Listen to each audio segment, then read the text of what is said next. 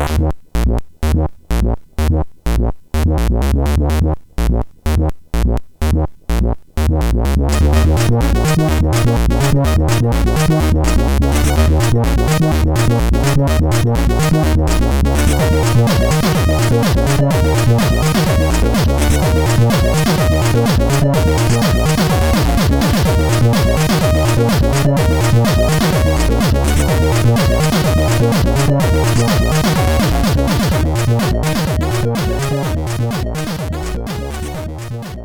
Sziasztok, ez itt a Checkpoint 8. évadának 11. adása. Hello, László! Szerbus, Töki! Vidám hangulatban vagy ma? Közepesen. Hát pedig egy nagyon vidám téma lesz. Vidám parkos, érted? Remek. Ez nem szó vicc, ez, ez ilyen, ez ilyen, ez nem, nem tudom, szeszélyes évszakokból, ami kimaradt. Ami már oda se fért be. A jó ízlés miatt. így van, így van. Nem hiszem, hogy a szeszélyes évszakoknak sok köze volt a jó ízléshez. Szóval a mai, na, na azért a Ben Hill az nem volt rossz. Jó. Szóval a mai témánk a vidámpark szimulátorok, theme park játékok, témapark játékok, hogy fordítsuk, főcímzenepark játékok. főcímzenepark, az, az nekem jobban tetszik. Nye. Élménypark az. Élménypark játékok, és kedves vendégünk meg is szólalt már, Makai Péter, aki régi-régi checkpoint hallgatónk, mi meg még ilyen írókörös múltból ismerjük egymást, és te, te ezt kutatod is, ugye? Azt jól tudom. Így van. uh, több, uh, több tanulmányom is jelent meg a témában, úgyhogy uh, engem így rettenetesen foglalkoztat maga a Vidám Park, mint műfaj. Különösen azért, mert kisgyerekkoromban iszonyatosan féltem tőlük. Én is, és így maradtam. De nem, bocsánat a szóért ludológusként, ugye, hanem, hanem valami más vonatkozásba. De, de, de, uh, mindenképpen ludológiailag, igen. Hát uh, uh, nagyon nem mindegy, hogy mit nevezünk ludológiának. Az általában a vidám, uh, tehát a számítógépes játékkutatásnak egy nagyon szűk uh, metszete, de én úgy tartom magam, hogy én alapvetően játéktudós vagyok, és aztán utána történetesen ludológiai dolgokat is szoktam írni ezen belül. Jó, hát akkor majd, majd ha odaérünk, akkor kicsit tisztítod nekem ezt a képet, mert az egész ludológia az nekem kicsit olyan, mint a létező tudományokra valamit így ráhúztak volna, csak azért, mert videójátékkal foglalkozik, vagy ami még rosszabb, nem is tudományos dolgokra húzzák néha ezt rá. Mm, sajnos igen. Majd akkor te validálod magad. De hát egyelőre validáld magad úgy, hogy mint gamer. Mi volt az első játékod, amivel először játszottál? Ugye visszatérő kérdésünk. Abszolút. Az az igazság, hogy az első játékaimra nem emlékszem, azért, mert annak idején ZX Spectrummal kezdtem a pályafutásomat, és ezeknek a játékok, hát gyakorlatilag azt tudom, hogy joystickkal játszottam. Mivel kezdted a pályafutásodat? Ne ZX Spectrum. Ez az EX Spectrum? Azaz. Ezt így, így még nem hallottam, hogy ember mondta volna. ZX, de hát... Minden, uh, minden brit így ejti. Komolyan? Igen. Azt a...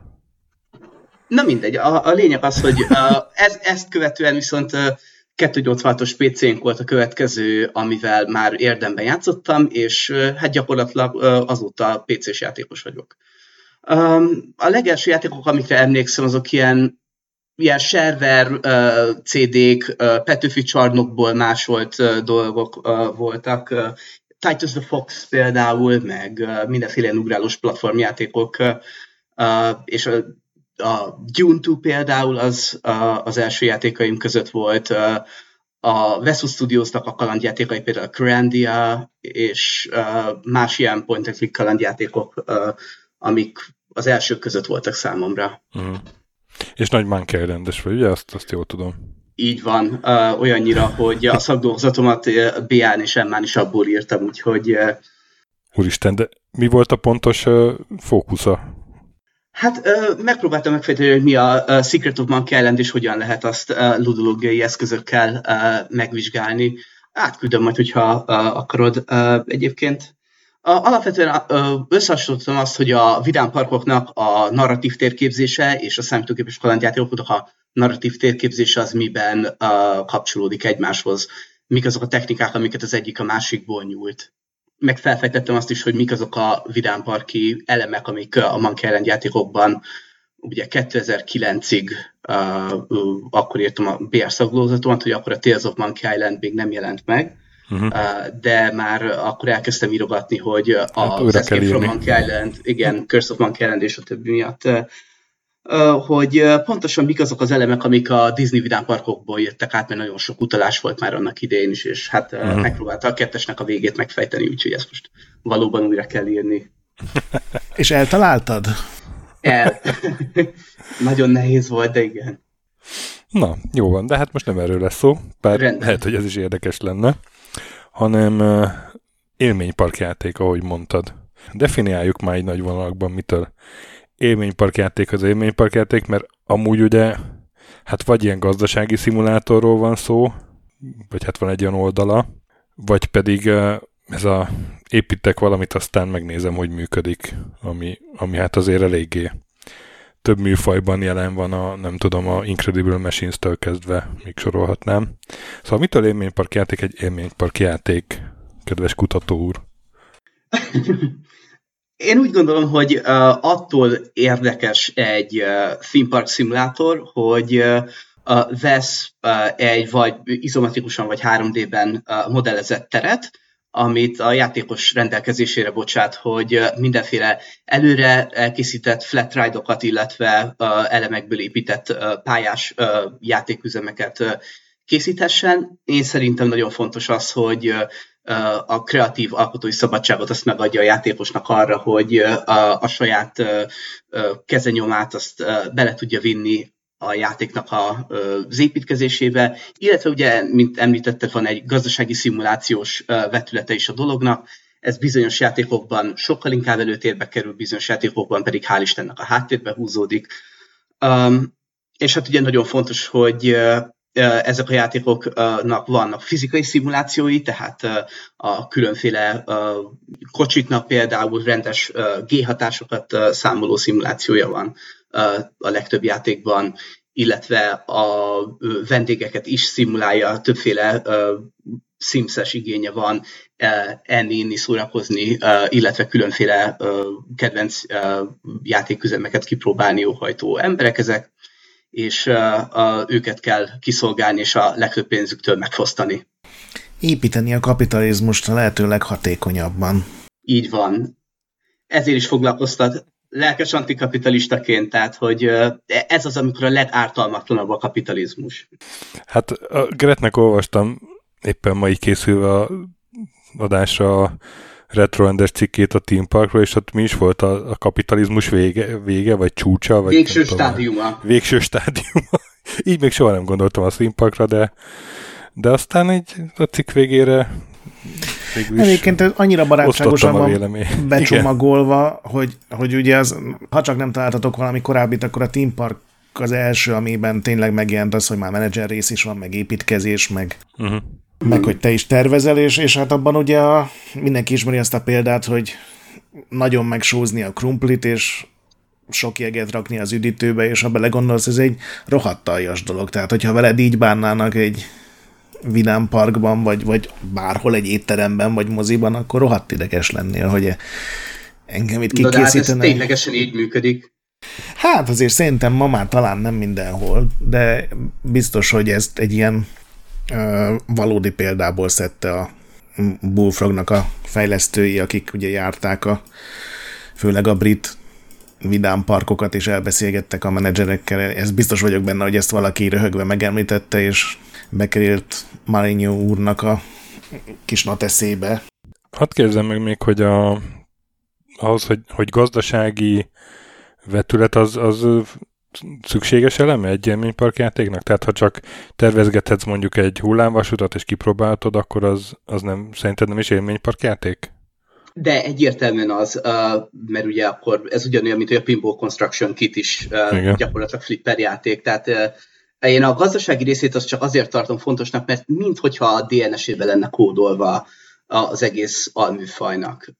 Én szerintem itt ennek egyszerűen több szintje van, ugye a, a legigazibb, a leg, leg, leg nem tudom, közkedveltebb, vagy legkomplexebb, az tényleg az, amikor ugye építesz is, de a gazdaságra is figyelni kell, meg a népszerűségre, és ennek egy csomó extra vetülete is lehet a nem tudom, a reklámozás, vagy a, a Team Parkban, amit szerintem most csak a magamból indult ki, senki nem használt ez a, hogy ugye részvényeket vehetsz és fölvásárolhatod a konkurenciát. És aztán van az a rész, amikor igazából csak építkezni kell, olyan, mint egy nagy sandbox mód, és ebből most én nem is tudtam róla, hogy ennyi játék van, amiben kizárólag hullámvasutakat kell tervezni, de nem, nem úgy értem, mint a Roller Coaster Tycoonban, hanem csak és kizárólag hullámvasutakat tudsz tervezni, és aztán utána azt megnézni olyan szögből, amilyenből akarod, és aztán, ha még lejjebb megyünk, akkor ott már azok a játékok vannak, amik Vidám Parkban játszódnak, de igazából nem a Vidám Park működtetése a feladatod, hanem bármi más, és itt ilyen meglepően sok horrorjáték van, ami nem tudom, hogy gondolom a bohócokon keresztül.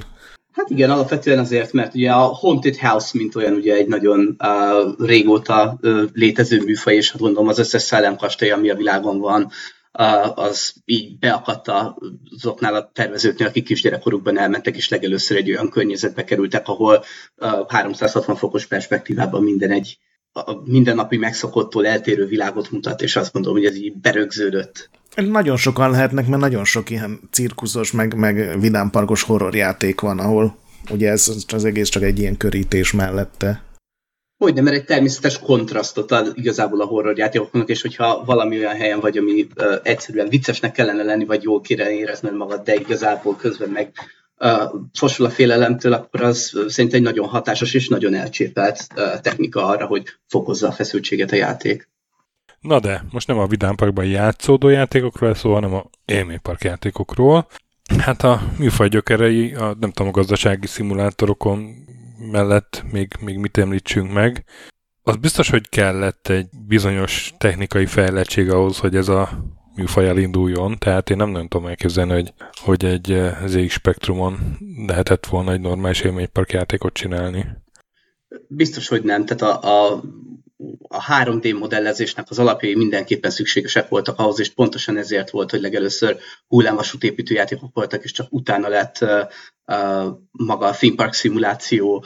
Uh, az elsősorban arra is vezethető vissza, hogy uh, ugye a videójáték, tehát a, a theme park gyártó cégeknek uh, elemi érdekük az, hogy uh, tudjanak saját szimulációkat csinálni, hogy utána rendesen megépített hullámvasutakat a prototípusát tervezzenek, ugye megnézzék, hogy uh, uh-huh, uh-huh. hogyan fog az éleszkedni abba az adott parkba, uh, illetve hát, hogy biztonságos-e a földi halandóknak felülni rá. És, és te tudsz is arról, hogy voltak már nem tudom, így a theme park előtt ilyen uh, hullámvasút uh, szimulátorok, már nem szórakoztató iparban, hanem ilyen professzionális szinten, mint ahogy a, a vadászgép pilótákat is ugye kiképezték rendes szimulátoron, amik nem videójátékok voltak, de azért mégis kicsit hasonló, mert egy szimulátor.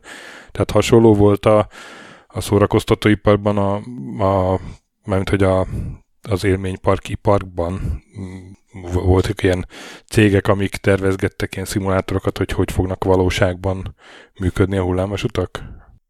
Iparágiról nem tudok, de azt tudom, hogy már a theme park előtt is létezett egy Coaster nevezetű uh, játék, amit a Kotugo stúdió csinált, és utána a Walt Disney adta ki, ami szerintem elég járulkodik arról, hogy pontosan mi is volt a, a háttérben a szerepe, a, ami gyakorlatilag csak annyit tudott csinálni, hogy hullámvasutat lehetett tervezni, és utána felülni rá, és végig lovagolni rajta. De hát az az igazság, hogy ez játékmechanikailag egy nagyon uh, kezdetleges és uh, kicsit butuska játék igazából. Persze én is emlékszem, hogy játszottam vele, de uh, gyakorlatilag csak arról szól, hogy uh, van, mit tudom én, 5 vagy 6 fókuszcsoport, és akkor uh, ők mind-mind uh, lepontozzák, hogy milyen típusú hullámvasutat épített, és ez mennyire tetszik nekik. Uh, és egyébként ebben maga egész. a tervezés az sokkal jobban működik, mint akár a Team Parkban, akár a Roller Coaster Tycoonokban, mert ugye ez 3D-s volt. Igen, igen, ezt akartam mondani, hogy viszont ugye 93-as játék, és már, már egy olyan 3D tervezője volt, ami, ami akkoriban nem is tudom, hogy volt-e ilyen, vagy hasonló, de, de nagyon-nagyon ritka volt legalábbis, mert ugye a SimCity is még bőven flat volt. Hát meg, meg minden, a Doom-tól kezdve. A, ugye a Doom meg a, a, az Ultima Underworld volt az ilyen idézőjelben mondom a 3D csúcsa, de ez egy teljesen ilyen ugye drótvázas grafikát igen. használt, tehát full térbeli dolog volt, és én akkor nem játszottam vele, tehát ez nekem egy teljesen új dolog volt. Nekem Én ezt is. tegnap láttam, és ahhoz képest maga a tervezés nyilván a fizikai modellezés, meg a nem tudom, az anyagmodellezés, meg egy csomó minden tekintetében eltörpül a mai dolgok mellett, de szerintem így a korhoz képest elképesztően jól működött. Tehát nem hiszem, hogy nyilván ezt használhatták arra, hogy leteszteljenek egy megtervezett hullámvasutat, mert hát nem úgy működött, de nekem impresszív volt teljesen. Hát a vizualizációs fázis során használhatták valószínűleg, hogyha tényleg az iparágban is használták. Én meghallgattam tegnap egy ilyen hullámvasút őrült podcast adást, ahol a videójátékokra tértek ki, nekik ugye a hullámvasút a lényeg, és a videójáték volt a mellékes téma, nekünk pont fordítva, és ott azt mondták, hogy a, ez a No Limits című, majd beszélünk róla, 90, mikor jött az első része? 2001-ben jött az első része, és aztán 2010 valamennyiben talán a 14, második. Igen. És hogy az az, amivel ténylegesen mm, terveznek hullámvasutakat, mert az volt az első, meg nem tudom, hogy a, mennyire fejlett a többi, de hogy ott, ott volt először teljesen szimulálva, ugye, hogy a fékeket be tudtad állítani, ami gondolom rohadt fontos egy hullámvasútnál, meg súrlódási együtthatót számolni, meg ilyeneket, tehát hogy nagyon-nagyon pontos fizikai szimuláció kell ahhoz, hogy az ember utána élve ki tudjon szállni egy ilyenből, úgyhogy érthető Igen, is. És, és hogy az, az az, ami azt egy őrült fejleszti, és hogy azt ténylegesen használták valódi, később megépített uh, hullámvasutak teszteléséhez, meg, meg, meg tervezéséhez, úgyhogy van ilyen, de szerintem a 90-es évek elején ez még sci volt, talán uh-huh. még a Disney belül is. Nem tudom, hogy szerintem azt még így papíron tervezték, meg tudod, meg papíron számolták ki, hogy elrepül-e a kocsi, vagy nem.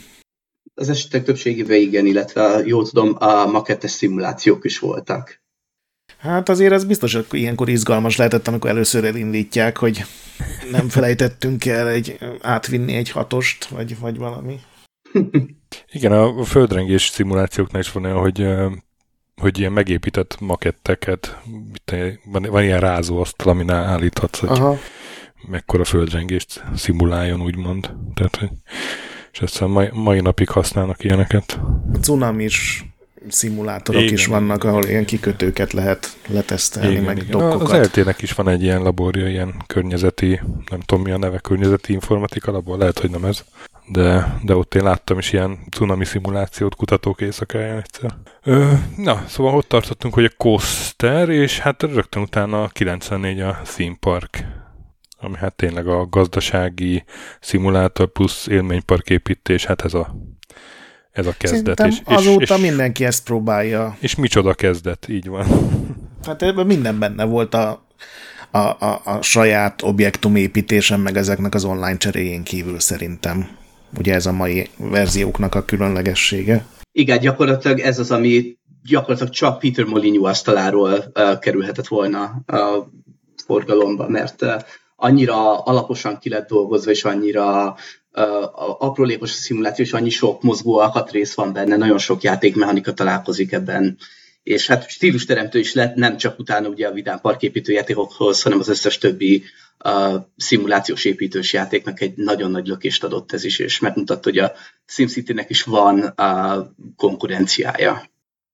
Igen, és, és szerintem ami még fontos volt az én szempontomból mindenképp, hogy ilyen nagyon befogadható, nagyon aranyos, nagyon játszható volt. Tehát amikor én 14 évesen játszottam ezzel szinte minimális angol tudással, akkor is így el tudtam vele szórakozni, és egy SimCity meg egyszerűen a, tudod, az adózás, a telekadóval, meg a nem tudom, a, hogy hány tűzoltó épületet kell lerakni, az valahogy sokkal kevésbé mozgatott meg, mint hogy mikor tudom már kifejleszteni a, nem tudom, a, a jégkrémes kuckót. Igen, szerintem egyébként maga a UI kezelőfelület is annyira adta magát, hogy nagyon könnyen hozzáférhető mindenki számára, és azt lehet látni, hogy uh, nagyon nagy gondot fordítottak arra, hogy a sok statisztika ellenére uh, mindez emészthető formátumban kerüljön a játékosok elé. Igen, én, én nagyon imádtam, és furcsa módon így egy gép előtt ketten játszottunk, és fél óránként cseréltük az egeret, és tökéletesen szórakozgattunk vele. Tök te játszottál ezzel, vagy ez neked túl komolytalan én, volt, mert tudom, hogy te... Nem, nem, nem. Én pont, pont azt akarom mondani, hogy engem az egész gazdasági szimulátor műfaj az, az többnyire hidegen hogy Például foci menedzserekkel is ezért nem játszom. Jó, de hát a foci menedzserek azok tényleg csak spreadsheet szimulátorok, igen, tehát igen, igen, semmi igen, más, igen, csak a statisztika. Igen, igen, igen, igen. Jó, de hát ott volt-e, hogy ahol lejátszhattad a meccset, csak hát akkor az nyilván nem volt egy rendes jó foci játék.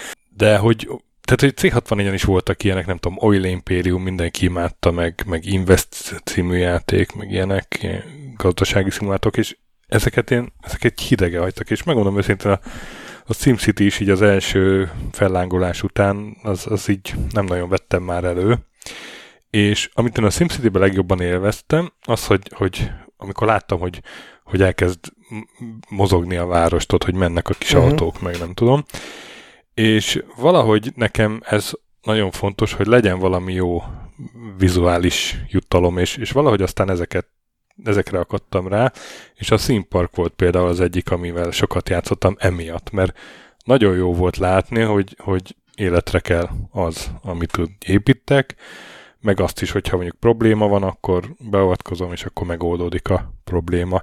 És akkor a későbbiekben is valahogy ilyenekre kaptam rá, például a movies is ezért szerettem nagyon, mert ott is ugye a film készítés az egy olyan plusz volt így a gazdasági szimulátor mellé egy olyan vizuális jutalom volt, amiért, amiért bocs, levertem, levertem a fülesem,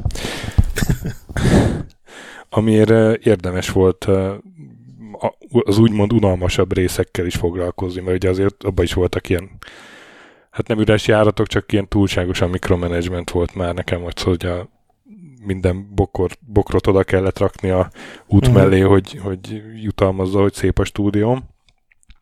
De például a Tropikóval is ezért játszottam aránylag sokat, mert ott, ott is ez a banán köztársaság környezet, és jönnek a turisták, az, az is egy ilyen olyan plusz volt, amihez hasonlott azért a, a gazdasági szimulátorok egy nagy része, ami így másra helyezte a hangsúlyt, az nem tudott nyújtani. Szóval ilyen színparkkal játszottam sokat, és nagyon-nagyon szerettem, igen. És a folytatásaival is játszottam. Vagy hát a, a harmadik része nem biztos, a második part része még sokat játszottam, ugye ez volt a Theme Park World 99-ben, ami már 3D-s volt, és így a kevés poligomból elég sokat kihozott.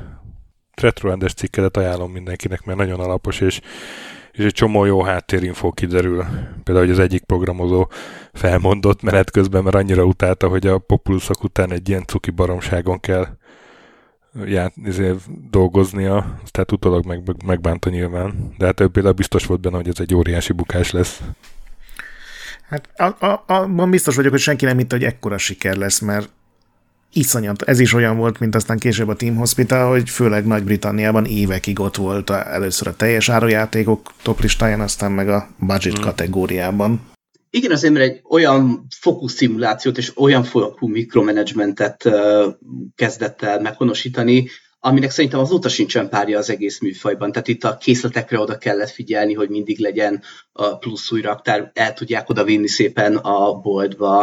A... És drukkoltál, hogy, hogy beérjen időben a, a burger, meg a, a, nem tudom, a kóla, hogy mielőtt kifogy, és ez egy olyan dolog, amit ha ma egy játékba beraknának, hogy nekem kell minden egyes boltba berendelni a plusz árut, akkor ezt azonnal kikapcsolnám, de ott ez valahogy működött, és elkapott, és még erre is tudtam figyelni. Ez egy jó, jó példa. És talán uh, ez az utolsó játék, amiben konkrét uh, városokban, a földgolyó talán minden kontinensén lehetett különféle vidámparkokat építeni, uh, és uh, ezek folyamatosan utána versengtek, és egyébként termelték a profitot is, úgyhogy uh, ebből a szempontból egyedülálló.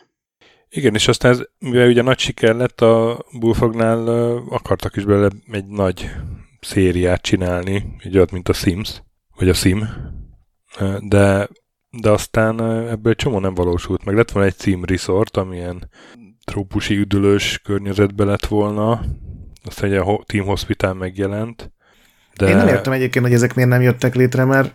Hát én a tetsziketben azt olvastam, hogy az IE, ugye, ami akkor a uh-huh. Bullfrognak volt a nem feltétlenül jó gazdája, az nagyon azt erőltette, hogy inkább a Park 2 jön ki. Aztán az meg ugye csomó késéssel tudott kijönni ilyen olyan okok miatt. Például azért, mert ugye a Malinyó közben elment. Igen, de akkor is ez egy annyira egyrészt rohadt sikeres volt, tehát így gazdaságilag is megérte volna meg. Nem tudom, tehát akkora eszelős különbséget nem látok, aztán javítsatok ki, ha tévedek, mondjuk egy állatkert menedzser, vagy meg egy, egy vidámpark menedzser játék között. Oké, okay, utána kell nézni egy csomó dolognak, de így kívülállóként szinte ugyanaz a recept, nem? Vagy, vagy teljesen máshogy működik szerinted, Peti? Én azt mondanám, hogy azért, mert az egyik fizikai szimulációra épül, a másik pedig élővilág szimulációra, szerintem nagyon mások. Tehát egy Zoo a felszínen valóban, hogyha a gazdasági menedzser részét nézzük, akkor nagyon hasonlónak tűnik, de én konkrétan azt gondolom, hogy a, a Zoo azok azért érdekesek, mert ugye az állatoknak ott uh, ilyen külön élőhelyet kell csinálni, különféle enrichment olyokkal uh, szórakoztatni őket, az egészségükre gondot kell viselni, ami ugye papíron úgy néz ki, mintha oda menne az orvos és megjavítaná, mint hogyha a mechanik megy a broken ride-ot megjavítja, de nekem alapvetően más azért, hogy egy élőlényt kell gondozni, és az ő jól létükre figyelni, vagy hogy egy gépet kell működésben tartani. Uh-huh.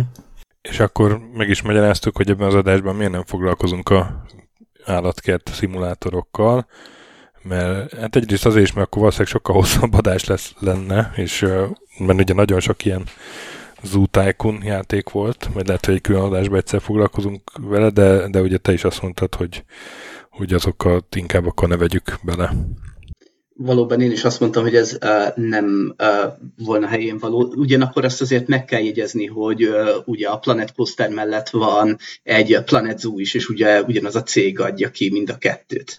Hát uh, meg ugye tehát... volt a Zoo Tycoon, meg a Jurassic Park, uh, nem tudom, építőjáték, ami meg azt hiszem a, a szintén valamelyik ilyen a Planet Coaster-es fejlesztők csinálják. Az is a Planet Coaster-eseké? Ja. Igen, Frontier az is. Ja, Frontier, igen. Szóval, hát igen, meg van, ugye van, ott egy csomó. van egy csomó, igen, nem csak a Jurassic Parkos, de hát ugye ott a Viva Pinyátától kezdve egy csomó ilyen határeset van, hogy hát, tehát ott ja, tényleg. Oda egy csomó. Ez a Vidám Parkos, ez valamivel egyértelműbb, ez, ez tény. Uh-huh. Uh, és én szerintem a, a, a Team Park az, az egy nagyon meglepő műfajteremtő volt, mert tényleg alig-alig lehet meghaladni azokat a koncepciókat, amiket ott lefejl. Nyilván sokkal jobban néz ki ma már, sokkal jobban működik a maga a tervezés, sokkal szabadabban lehet egy csomó mindent csinálni, de azért ilyen iszonyatos forradalmi változások kevés, vagy hát lehet, hogy azért mondom, mert nekem ez volt a kedvencem, és, és azóta egyik sem tudott, hogy őszinte legyek, ugyanúgy elkapni. Ebben, amit mondtam, ez a, a hullámvasút megszállottak műsorában például a Team Park az így egy fél mondatot érdemelt ki körülbelül, hogy hát jó volt egy ilyen Team Park is, de hogy térjünk át az igazira, a Roller Coaster Tycoonra. Szóval ezt vissza is vonom.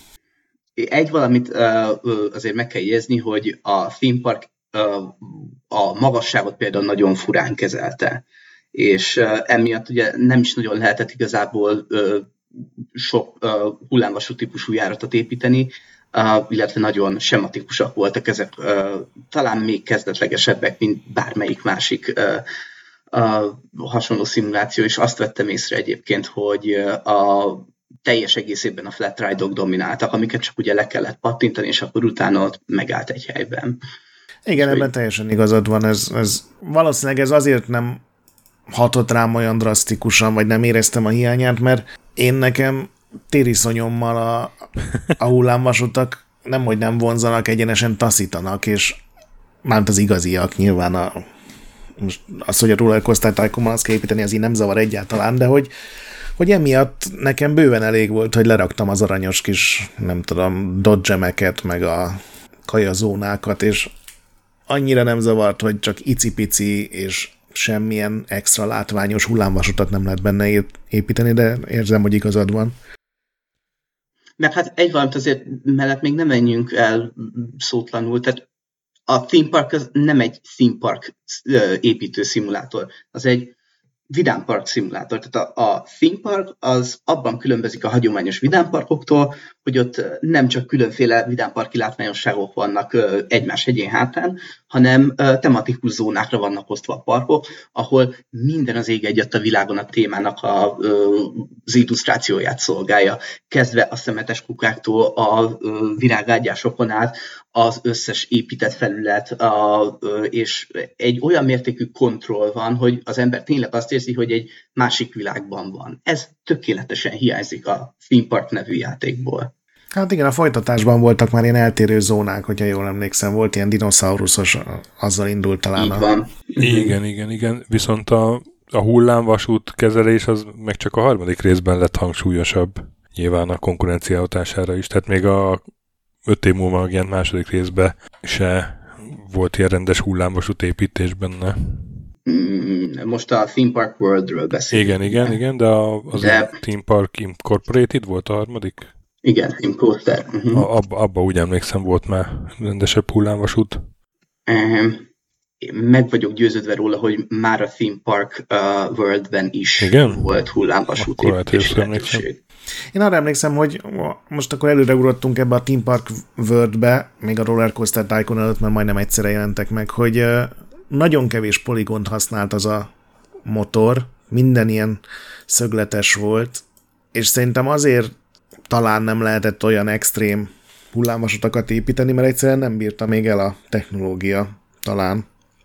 Biztos, hogy jobban lehetett, mint az első részben, az, az, az tudti. Csak emlékszem például az óriás keréknek a, a kis libegő kocsiai és egy ilyen, ilyen kúpok voltak a levegőben, nem voltak így le kerekítve.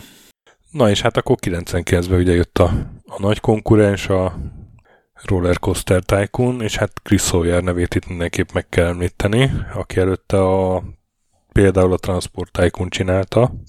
És hát a, a kezenyomát rajta is ismeri, tehát ez gyakorlatilag egy Igen. Transport Tycoon tovább gondolás és gyakorlatilag a kezelőfelületről elkezdve egészen a moduláris építkezésen át a az ilyen különféle pályák szimulációjáig, tehát az eleve, roller, tehát eleve Transport Tycoon 2-nek indult. Na, ezt akartam mondani, igen. és aztán utána történetesen rájött, hogy hm, ebből akár hullámvasút szimuláció is lehetne. És hát nem tudom, hogy a Team Park hatására jött -e rá valamennyire, vagy, vagy az ott volt-e? Hát egy, egy interjúban forrásként. az volt, hogy ugye a Transport Tycoonból ő, ő egy ilyen kispénzű skóciai fejlesztőből egy, hát azért, ha nem is mondanánk dusgazdagnak, de egy nagyon jó, jó keresetű fejlesztővé vált, és a Transport Tycoon után majdnem egy éven keresztül utazgatott, főleg Európában, meg Amerikában, és mindenhol meglátogatott egy minden érdekességet, és ott, ott szeretett bele a, a vidámparkokba, és főleg Amerikában vannak ezek a, nem tudom hivatalosan magyarul mi a neve, de például az a Six Flags nevű cégnek a parkjai is, amik igazából hullámvasút parkok, nyilván van egy csomó kajálda, meg nem tudom, ilyen céllövölde, meg ilyen boltok, meg ilyesmi, de hogy ez nem ez a, a magyar vidámpark, ahol ugye van egy csomó más, és van mellette egy vagy két, nem tudom mennyi van pontosan hullámvasút is, hanem hogy ez egy hullámvasút park, ami mellett van egy-két más dolog is, és, és hogy ettől lett a Roller Coaster Tycoon már nevében is, meg a koncepciójában is ilyen, ilyen hullámvasút központú. Igen, ugye a Six Flags azért is érdekes, mert ugye a, ők utána bele is kerültek a Roller Coaster Tycoon játékokba, tehát a kiegészítőkben már Six Flags Over Texas, meg talán még két másik parkjuk uh, le van modellezve, és uh, az eredeti hullámvasutak is belekerültek. Igen, hát nekik ez biztos tök jó reklám, nyilván főleg Amerikában, mert nem hiszem, hogy itt Magyarországon bárki tudta hogy, hogy ez, ezek hol vannak, vagy hogy valódiak, de van ezeknek egyébként valami saját neve ennek a vidámpark, élménypark, akárminek, ami hullámvasutakról szól? Van olyan, hogy hullámvasútpark, vagy ezt hogy hívják? Hát lehetne Coaster Parknak hívni, de én nem hiszem, hogy erre van külön név. Aha. Ők a theme parkot használják valószínűleg annak ellenére, hogy nem arról szól, hogy milyen hiperreális alternatív valóságokat gyártanak. Nem, én, én egyszer voltam legnagyobb bánatomra, mert ugye én nem tudtam ott semmit kihasználni a hoddogoson kívül. És ez tényleg arról szól, hogy le van rakva egymás mellé rohadt nagy parkban, nem tudom, tíz óriási hullámvasút, és akkor mindenki sorban áll, és elmegy vele a nap, mire az összeset kipróbálod. Na de a rollercoaster beszéljetek, mert nekem viszonylag kevés emlékem van róla. Olyan sok nekem sincs amúgy, mert, mert én ezzel játszottam valamennyit, de, de valahogy a vele egy időben megjelent Theme Park az jobban vonzott. Nem tudom, abban jobban egyensúlyban volt nekem a gazdasági szimulátor per építkezés. Azért a rollercoaster tájkonokban, főleg a másodikban ott azért kell kecsölni, mire összehozol egy rendes hullámvasutat, és lehet, hogy ez nem volt annyira türelmem.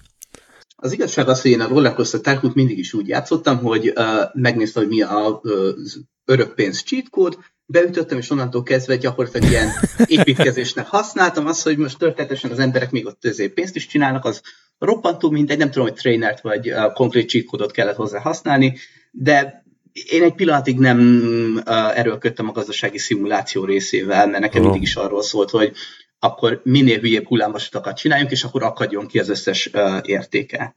Egyébként, ami talán a legfontosabb, hogy ez egy olyan játék, amit uh, assembly code-ban írtak, ami egy olyan megdöbbentő dolog számomra, hogy talán a mai napig is nagyon kevés olyan játék van, különösen ugye a 2000-es évektől elkezdve, aminek assembly-ben írták volna meg a kódját, és ez egy számomra megdöbbentő tény. Igen, ez, ez, ez én is meglepődtem, amikor küldted, mert mondjuk a nem tudom, a 8 bites hős korszakban ott azért lehet, hogy találni néhányat, sőt biztos.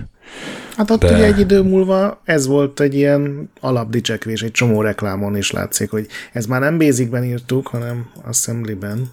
De hát igen, az más igen, volt igen. azért egy, egy Spectrum játékot, vagy egy Commodore játékot megírni Assembly-ben, mint gondolom a Persze, Rollercoaster Tycoon.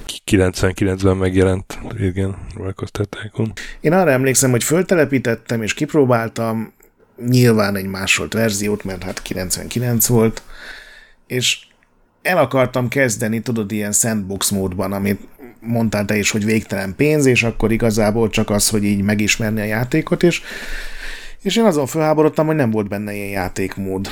Lehet, hogy nem volt hozzáférésem még trénerekhez, vagy nem is gondoltam rá, hogy lehetne letölteni hozzá, de engem ez zavart, és most nagyon örültem, amikor láttam a, Wikipédián tudod, volt ilyen, hogy a fogadtatás, és hogy ott megemlítették, hogy, hogy több cikkben is ezt fölhozták, hogy a, kis Gret 99-ben is azért tudta, hogy mi a dörgés, hogy sandbox mód kell az ilyen tycoon játékokba, vagy, vagy menedzser játékokba. Igen, utána a kettesben majd meg lehetett csinálni, hogy van egy uh, megapark, ami tényleg csak egy abszolút üres, uh, lapos mm. uh, térkép, és akkor arra aztán tényleg amennyit csak akartál, azt raktál rá. Visszatérve az eredetire, ami szerintem fontos, hogy ez egy picit gazdasági menedzsment szimulációs játék, de igazából térmenedzsment játék, mert ugye Igen. szinte minden parkban nagyon szűkre szabott a rendelkezésre álló hely, úgyhogy mindenféle trükköket kell bevetni ahhoz, hogy akár két-három szintes parkokat is építse, hogy minden beleférjen. És ugye ez az a játék, amikor már jól működött a magasság szimuláció, és gyakorlatilag hát 44-45 kocka magasságig is lehetett építeni a bizonyos uh, látványosságokat.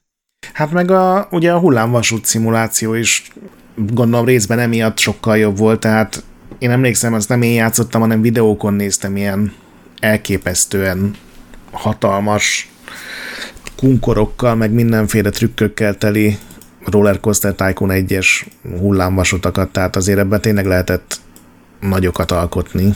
Igen, és már a, rögtön az elején a, a legelsőben is volt már négy-öt féle téma, a trópusi, csodaországos, uh, egyiptomi, uh, római kori, görög-római kori uh, tematizálás, és legalább valamilyen kezdetleges szinten megjelent az, hogy oké, okay, de akkor a dekorációnak is szerepe van, hozzáadódik az értéke a uh, hullámvasutaknak uh, és a flatridoknak a az értékeléséhez, és a, jobban szeretnek a vendégek is oda menni, ahol tematikus a park.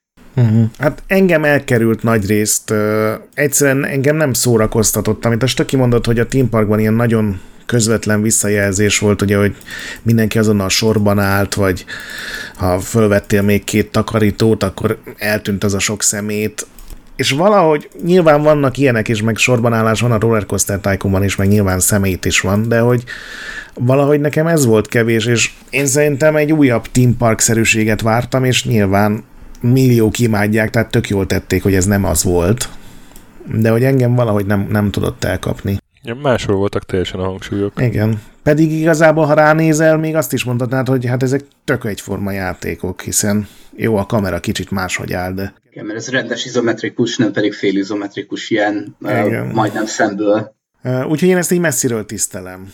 Nekem is ilyen hasonló viszonyom alakult ki az idők során. Aztán nem tudom, a kettes még kipróbáltam, a hármast meg már azt nem is próbáltam ki. De a kettes is olyan volt, hogy látszott, hogy, hogy ez, hogy az három évek később jelent meg 2002 és elképesztően sok fejlődést mutatott, de, de még, még így se tudott annyira megfogni. Igen, a Rollercoaster Tycoon 2 azért is lehet talán izgalmas, mert uh, ott már uh, odafigyeltek a rendes uh, vidámparkos cégek is, hogy egy kis reprezentációk legyen, úgyhogy uh, több uh, igazi park is uh, lemodellezésre került, ugye öt uh, Six Flags, a hollandiai, a belga, a Great Adventure, a Magic Mountain és a Six Over Texas, ami a, m- megjelent a, az első a Roller Coaster Tycoon 2-ben, és akkor utána még több európai parkot is lemodelleztek. Úgyhogy én szerintem ez azért izgalmas, mert megmutatta azt, hogy tökéletesen meg lehet oldani azt is, hogy létező parkokat lemodellezik az ember, és ez azóta egy ilyen külön sportágá fejlődött a Minden Park szimulátoroknál, uh-huh. hogy akkor fogjuk meg, és akkor teljes egészében építsük meg a Disneylandet úgy, hogy a lehető legaprólékosabb részletekig minden le lesz modellezve. Hát ehhez olyan fokú elszántság kell, amivel nem teljesen hiányzik, ezt meg kell mondjam. De én a Rollercoaster Tycoon 2-vel nem játszottam, én azt most olvastam, hogy annyira ugyanaz volt a motor nagyjából a technológia, hogy az első részből a parkokat lehetett azonnal importálni, és utána ott átszerkezgetni, úgyhogy valószínűleg ez, amikor 2002-ben megjelent, már ilyen zéró közeli gépigénye volt, úgyhogy ez iszonyatosan népszerű lett, ugyanúgy, mint a, annó a Team Park.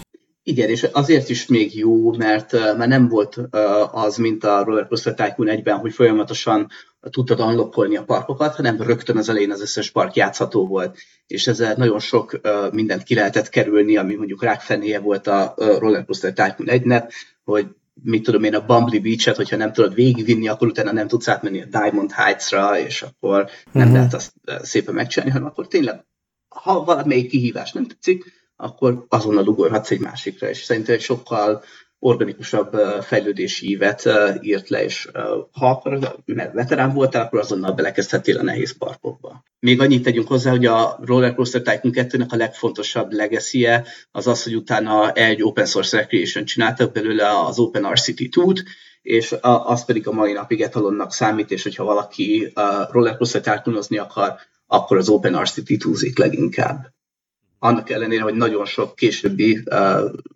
vakvágány is volt még a Rollercoaster Tycoonok uh, történetében, de a legjobban az OpenRCT tud szeretik a szentőrültek, akik még a mai napig ezzel játszanak.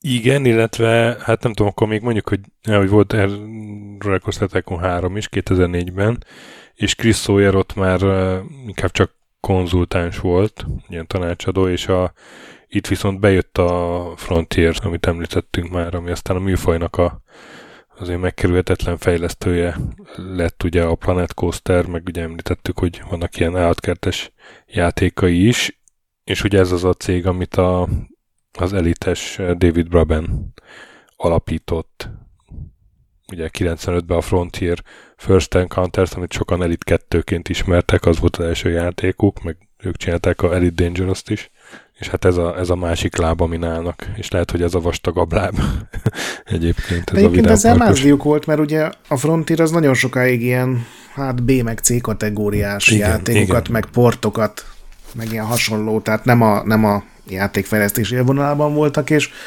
ugye az Atari korábban az Infogrames volt a kiadója a Roller Coaster Tycoonoknak a legtöbb régióban, és ők akartak egy harmadik részt, és nyilván 2004-ben már 3D-s játékot akartak, és Chris Sawyernek ehhez nem volt kedve, hogy ő 3D-ben programozgasson, és ezért volt, ahogy mondtad, csak tanácsadó, és a Frontier kapta meg a feladatot, és ezzel óriási mászdiuk volt szerintem, hogy ezt így jól csinálták meg viszont. Legalábbis a, én sem játszottam vele, de így a visszajelzések alapján ez, ez elég sokat tudott.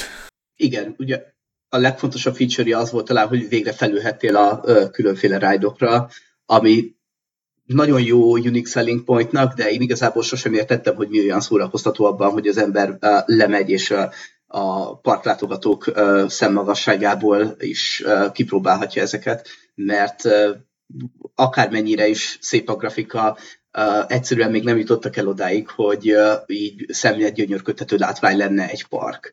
Annak ellenére, hogy ugye itt már volt uh, nappal-éjszakai ciklus is, és uh, uh, azért uh, jóval látványosabb volt, mint a, a Theme Park World, meg a Sim Theme Park. Igen, meg ahogy néztem, egy csomó ilyen extra funkciót is beleraktak, mint például volt egy tűzijáték szerkesztő, ami már tényleg olyan, hogy, hogy már nincsen ötletünk, mit lehet még belerakni. De hát a tűzijáték az a Disney parkoknak mindig is egy ilyen kulcsfontosságú kérdés, hogy minden este tűzijátékkal zárnak be, úgyhogy szerintem ez nagyon uh, stílszerű.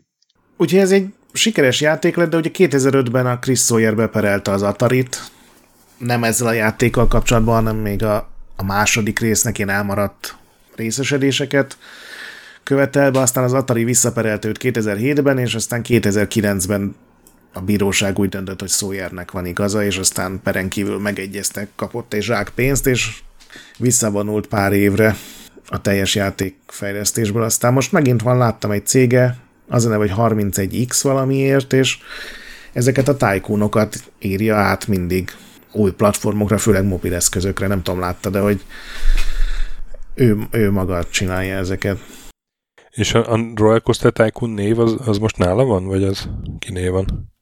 Hát ez nagyon furcsa, mert a 2017-ben is volt egy per uh-huh. ezzel kapcsolatban, akkor a Frontier perelte be ugyancsak az Atarit, az már a Rollercoaster Tycoon 3 miatt, és szerintem a leg érdekesebb ebben a perben az az, hogy a, tudod, volt ez a Steam Spy nevű weboldal, ami, amit egy Epic Store-os fejlesztő csinált, még mielőtt lett volna Epic Store, ami ugye mindenféle adatok alapján megpróbálta megsatszolni, hogy körülbelül mennyit adnak el egy játékból Steam-en, ami ugye mindig hétpecsétes titok volt, és ez annyira pontos volt, hogy végül a Valve lehetetlenné is tette ennek a működését, de még mielőtt ez megtörtént volna, a Frontier ezt használva tudta meg, hogy sokkal többet adtak el a Roller Coaster Tycoon 3-ból, mint amennyit ről nekik az Atari ugye uh-huh.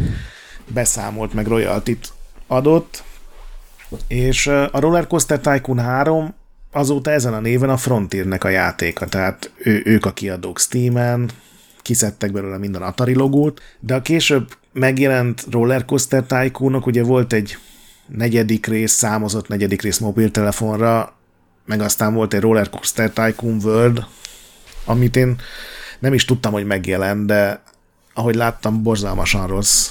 És azok meg az Atari név alatt jelentek meg, úgyhogy szerintem az első két rész az Chris Sawyeré, a harmadik rész a Frontieré, a név pedig az új játékokra, meg a jogok, azok pedig az... Atari. Hát, igen. Meg a szövetes kukáé. igen, ez a Roller Coaster Tycoon World ugye 2016-ban jelent meg, három fejlesztő stúdión ment át a projekt, mire megjelenhetett, ami sosem jó jel. Early Access-ben jött ki, és nagyon negatívak voltak, egy csomó Steam review-t elolvastam, és az, hogy bugos volt, meg ronda, az egy dolog, de hogy állítólag így semmi nem működött benne. És aztán direkt egy nappal a Planet Coaster megjelenése előtt adták ki az 1.0-át, tehát akkor jött ki Early Access-ből, akkor lett úgymond végleges, de hát több helyen 10-ből egyes, egy pontos értékelést kapott. Hát igen, ez a legnagyobb fiaskó talán az egész uh, Vidám Park uh, építős játék történetben, a, ami minden, ami a Roller Coaster uh, Tycoon 3 után uh, íródik, és a Roller Coaster Tycoon nevet viseli, az uh, hát a kész katasztrófa és az egészen borzasztó között mozog. Um, tényleg, tehát azt kell mondanom, hogy a, a legutolsó Roller Coaster Tycoon játék, ami, ami jól működött, az a uh, Soaked meg a Wild, ami az RCT3-nak a két expansionje ami egyébként azért is érdekes, mert ugye a Wildban lehetett állatkerteket építeni, a szókban pedig víziparkokat lehetett építeni. Aha. Tehát, hogy ez a két innováció volt, amit még a, a Rollercoaster Tycoon világában tudtak csinálni, de hát szerintem elég erősen életidegen egy safari a, ott a vidámparkot kellős közepén. A, az, a, az, a Six, az a Six Flag, amiben én voltam, azt az mentette meg, hogy rögtön mellette van egy szintén Six Flag tulajdonban levő vízipark, és oda mentünk át. Tehát el, a, az állatkert részét nem tudom, de a vízipark az, az, az tényleg a valóságban is így van. Hát én, én megemlíteném a Kristiansandi Düre Parkot itt Norvégiában, ami a gyerekeknek a kedvenc mindene eddig itt Norvégiában, és ott van egy állatkertész, van egy ilyen kalózos rész, és van egy, egy ilyen rájdos rész, ami az állatkerttel szervesen együtt van, tehát mit tudom én, a dzsungeles részen van ilyen dzsungelboppája, és akkor az elefánt körül kell. A, a, mit tudom én, a krokodilok mellett ott van egy ilyen, ilyen fatörzs alakú úszó bigyókban kell végigmenni a rájdon, és tudod, a végén így lezuhansz, és rátfröccsen a víz. Az, az nekem nagyon furcsa volt, hogy az ott egyszerre próbált állatkert, és valamilyen másfajta élménypark is lenni. Igen, szerintem mi ezt megszoktuk, hogy a, a Városligetben ugye teljesen el van választva élesen a Vidám Park meg az állatkert, és akkor adott napon vagy az egyikbe mentél, vagy a másikban állunk, ez így nem keveredett. És akkor mondom, két, két sarokkal arrébb, a, nem tudom, a, a norvég őshonos állatokat bemutató ilyen, ilyen, hát nem is állatkert, hanem az, az meg egy ilyen vadaspark, tudod, ahol elbújik az állat, és akkor nem lesz belőle semmit, mert olyan nagy tere van. Hú, a bokorban elbújni. az egy állatvöröslik, vagy csak? De nem bokor, hanem egy, tudod, egy ilyen egész erdő rész, és akkor Aha. valahol ott a, ott a hiúz. Oké. Okay. És a, a jávorszarvast alig bírtuk észrevenni, pedig az rohadt nagy. És akkor még két, két sarokkal arrébb mész, akkor itt van egy ilyen egy ilyen nagyon népszerű gyerekmese, mint nálunk otthon, nem tudom, mit mondjak, a, a fogalmam sincs mi az, ami ott most otthon nagyon-nagyon népszerű és régi mese. Vuk. Mondja egy olyat. Hát mondjuk Vuk, de még annál is népszerűbb. De mondjuk milyen, ilyen Vuk falva, érted, és akkor az van megcsinálva, és akkor még egy sarok arra mész, akkor meg egy ilyen kalózos izé, tehát egy kalózhajón utazhatsz, kalózok énekelnek neked, erős Monkey Island vibe vannak egyébként. Tehát így, így nagyon vegyes felvágott az egész, és mégis egy belépője van az egésznek. Hát lehet, hogy ezzel játszottak, amikor tervezték. Ja. Egyébként azt meg kell említeni, hogy a rollercoaster tycoonok azok kifejezetten sok iparági szereplőt indítottak el azon az úton, hogy utána komolyan is foglalkozzanak a vidámpark építéssel és tervezéssel. És több olyan emberről tudok, akik a vidám, vidámparképítés és vidámparképítő játékok alapján vettek fel, mit tudom én, Imagineer munkakörbe, Uh, úgyhogy ha kellően kidolgozott valami, uh, akkor szerintem sokat segít abban, hogy utána az ember teljes állást találjon ebben a világban. Igen, ez a podcastben is az egyik meghívott vendég, ő is egy ilyen vidámparki dolgozó, és, és ő is a Roller Coaster Tycoonba őrült bele, és az, az kunkorított el az életét ebbe az irányba. Nyilván nem az ott tervezett parkjai miatt vették föl, de hogy ott, ott bolondult bele teljesen a, az amúgy is szeretett hullámvasutazásba. Úgyhogy tényleg ez biztos, hogy így van. Gondolom ez a 2016-os epizód, ez nem sokakat mozgatott meg így. Ugye, ha már kiegészítőkről van szó, akkor kanyarodjunk azzal vissza, hogy igen, egy csomó kiegészítő is megjelent, már az első Team Parkhoz is jelentek meg kiegészítők. Ezekről nagyon nem fogunk kitérni szerintem időhiány miatt. A Roller Coaster Tycoonról beszélsz, a Team Parknak nem jelent meg kiegészítője. A, Ja, igen, igen, igen, bocsánat, oké. Okay. Na, úgyhogy beszéljünk itt kicsit a, ugye a két nagy mellett a, a, a többiről is. Én például ma tudtam meg, hogy létezik egy nagyon jó nevű cég, a Bimbo Soft. Már lehet, hogy Bimbónak kell ejteni, meg két ó van, és hogy annak voltak 99-től kezdve Coasterworks, 2002 Roller Coaster World, 2016 Roller Coaster Dreams, ez a ezek a szegény ember élménypark játékai, tehát elég rosszak voltak, ahogy láttam a értékelésekből, meg a screenshotokból is. Ez, ez hogyha ugyanarra gondolunk, az egy japán sorozat, és ott minden rész Jet Coaster Dream. egy-kettő-három talán névre hallgat, de ez csak egy hullámvasút tervező, legalábbis ez az első rész, az biztos, hogy csak az, ami még Dreamcast-re jelent meg. Igen, igen, az Dreamcast-es volt, a második meg PS2-es.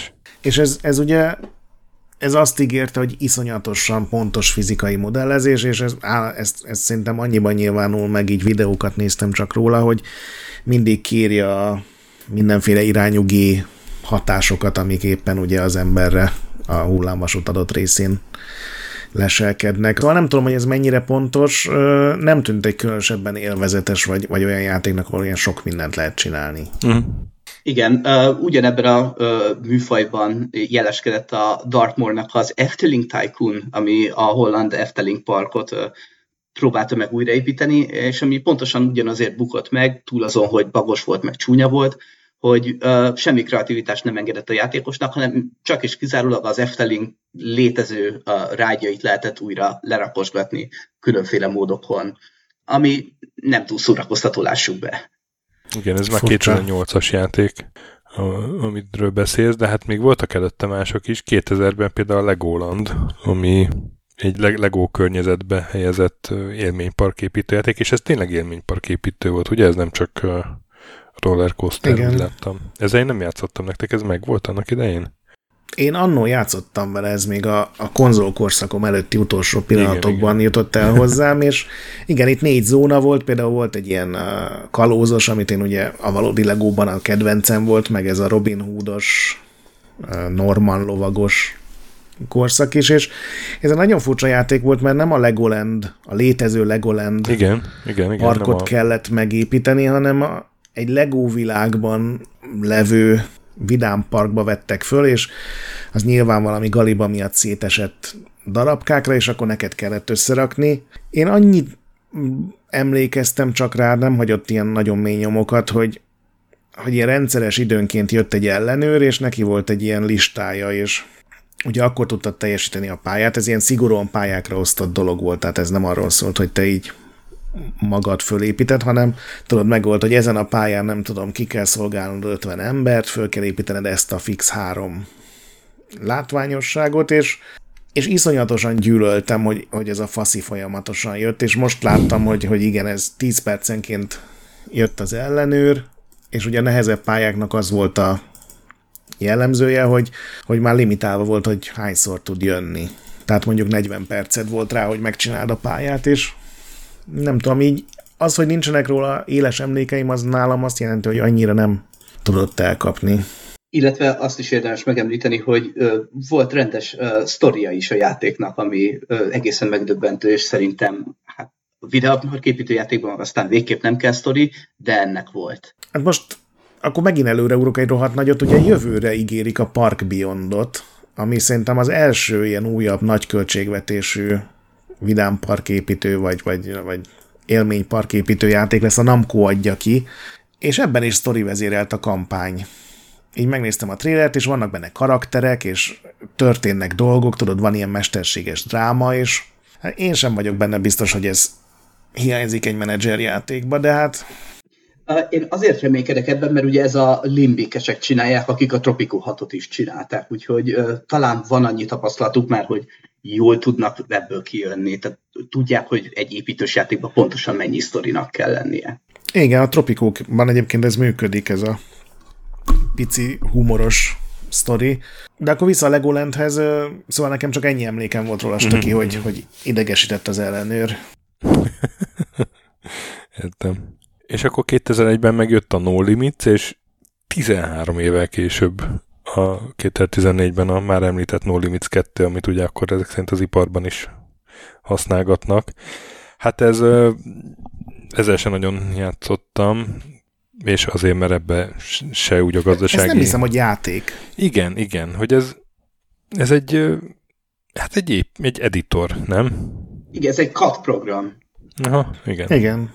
Ez tényleg csak az van benne, hogy hullámvasutat tudsz tervezni a valódi fizikának megfelelően, rengeteg valódi dolgot meg lehet vele csinálni, amit az összes másik játék az, az, az nem törődik vele, mert túlzás, túlzott szimulációnak tartják szerintem, tehát például itt lehet irányítani a kezelőembert is, aki ugye elindítja ezeket a gépeket, meg a nem tudom, kezeli a lámpákat, meg a mikrofonokat, tehát ilyen tényleg teljesen ultrarealizmus van, ugye, aminél legjobban megdöbbentem, megint csak ebben a podcastben hallgattam, hogy így örömmel mesélték, hogy, hogy itt a fékeket be lehet pontosan állítani, hogy hány newtonnal, melyik centiméteren kapcsoljanak be, hogy lehet skriptelni egy csomó tévét, képernyőt, táblát, robbanást, tűzijátékot, füstöt. Lehet csinálni én most tudtam meg, hogy ez Dark Ride-nak hívják olyan dolgokat, ahol ugye néha sötétben mész, és csak hangok vannak, és tehát ez tényleg, ez, ezen látszik, hogy ezt egy ember fejlesztette szinte a teljes egészet, és és ő neki a hullámvasutak volt a mindene, és ezen kívül meg semmi más nem érdekli. Most, hogy emlegetted a Dark Ride-ot, az uh, tényleg fontos, hogy ugye sem a theme parkban, sem a Rollercoaster Tycoonban a klasszikus értelemben Dark Ride az nincsen.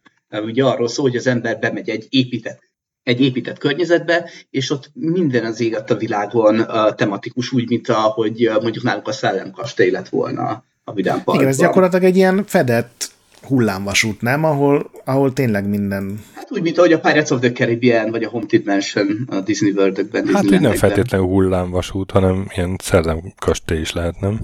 Igen, de általában ezek mind uh, pályára épített uh, kocsikon ja. uh, sétáltatnak végig az egészen. Nekem a tematikus Van Helsing kastély jutott eszembe a Universal Studio-nak a Los Angeles-i parkjából, amin egyszer így Sasával, meg talán Grettel végigmentünk. Én nem mentem.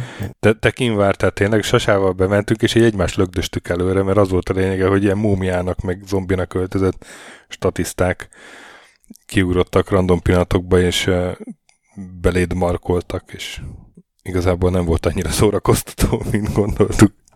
Igen, egyébként a legtöbb Dark Ride az uh, élő szereplőket nem nagyon alkalmaz, amiket szoktak viszont csinálni, hogy uh, audio animatronikus robotokkal játszatják el a szerepeket. Aha. És itt most erős idézőjelet uh, kell és a, legtöbb, a hangomból. Ja. legtöbb horrorjátékban ezek romlanak el, és kezdik el a, a, a húsra vágyni. Hát a Westworld is erről szól, ugye? Igazából az eredeti film. Igen, nekem a 2001-es Ill Bleed jutott eszembe az Dreamcast jelent meg egy ilyen kicsit Resident Evil-szerű játék, és az pontosan erről szól, hogy horror vidámpark, kaptok 100 millió dollárt, ha túléltek az éjszakát, és abban vannak ezek a, a uh-huh. robot, robotok, amik ugye megelevenednek és elkezdenek várni, és annak a játéknak szerintem a legmókásabb pontja, amennyiben egy ilyen véres horror játéknál erről lehet beszélni, hogy hogy figyeli a játék a karakterednek a szívritmusát is, és, és szívrohamot kaphatsz még a Tini karakterrel is, tehát nem csak abban tudnak megölni, hogy nem tudom, be, be szakadsz egy szakadékba, vagy, vagy szétszed egy robot, hanem tényleg túlságosan megijedsz. De ez csak zárójel. Visszatérve a No Limits-re, azért fontos talán, mert ez volt az első olyan hullámvasút építőjáték, ahol nagyon szabad és szinte megkötések nélküli uh, pályaépítésre volt lehetőséged. Tehát ez egy spline típusú rendszerrel működött, ami ugye uh, arra épül, hogy uh, különféle Bézier görbéket uh, rak egymás után maga a program, és emiatt sokkal fluidabb lesz maga a pályaépítés, mint az elemekre épülő uh, vidámpark. Gyakorlatilag így megrajzolhatod, nem? Vagy így, így, így tehát nem, nem az, hogy blokkonként rakod le, hanem így az egérrel igen, igen. Bármilyen kunkort megcsinálhatsz, aztán legfeljebb kirepül rajta. Na jó, de arra illeszt egy bezérgörbét. Hát ez, ez Szerintem fontos. ez fontos, hogy a bezérgörbe szó az minél többször elhangozza. Én megtudtam, hogy a magyarul azt Bézié görbének kell írni sajnos. Tegnap rákerestem. Hát ez nyilvánvaló. Ja, értem. Soha ja. nem írtál még keretest a Bézié görbékről? De, csak ezt rosszul írtam. És még 2001-ben én, én hoznám a világ legrosszabb játékterm, vagy mi az Istenről beszélünk, Vidám Parki játékát, a GameCube exkluzív Universal Studios Theme Park Adventure-t, ami elvileg ugye pluszpontot érdemel, mert egy valódi ilyen theme park a Los Angeles-i Universal Studio modellezi le. Elvileg benne van az egész park, ami azt jelenti, hogy tudsz az utcákon sétálni, meg ott lemenni azon a nagy mozgó lépcsőn, de olyan jól van lemodellezve, hogy ugye mindenhol sorok vannak, az összes látványosság előtt sorok vannak, és ezen úgy tudsz a játékban, amit ugye elvileg szórakozásra találtak ki, átmenni, hogy, hogy veszel sapkákat, és minden boltát van, mit tudom én, egy visszajövőbe ride, és akkor arra úgy tudsz bemenni a sort megkerülve, hogy veszel egy visszajövőbe sapkát.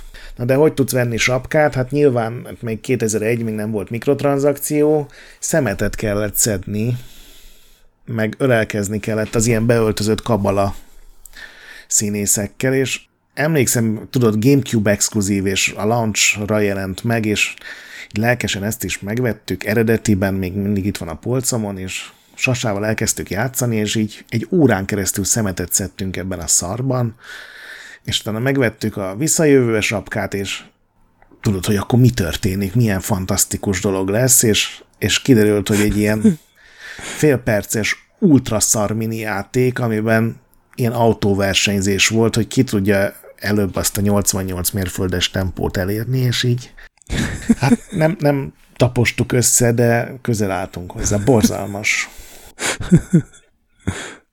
Szóval ez, a, ez az anti, anti vidám park, ez a szomorú park élmény. Illetve szintén 2001-ben jelent meg az Ultimate Ride is, ami ugye ennek az az érdekessége, hogy a Disney adta ki, ugye papíron a Coaster is Disney játék, de ez egy kicsit közelebb volt a, Disney fejlesztő stúdióhoz, mert maga a Disney Interactive adta ki, és hát annak idején iszonyatosan beharangozta a Walt Disney Imagineering, imádta, és minden csatornán próbálták megnyomni, és hát egy nagyon közepszerű játék lett belőle. Az az igazság, hogy uh, lehetett 3D-be tervezni ugyan uh, rendesen rájdokat, uh, csak annyira érdektelen környezetben és nagyon unalmas játékmenete volt, ilyen egészen szürreális 2001-es 3D-ben, hogy uh, nem volt egy nagy csobbanás. Uh, nem tetszett a kritikusoknak az sem, hogy a fizikája nem volt jó, tehát a fizikai szimuláció nem volt kellőképpen alaposan kidolgozva különféle ride esetében ugyanaz a fizikai motor hajtotta az autó haladását, és a témák mennyisége is kritikára adott okot.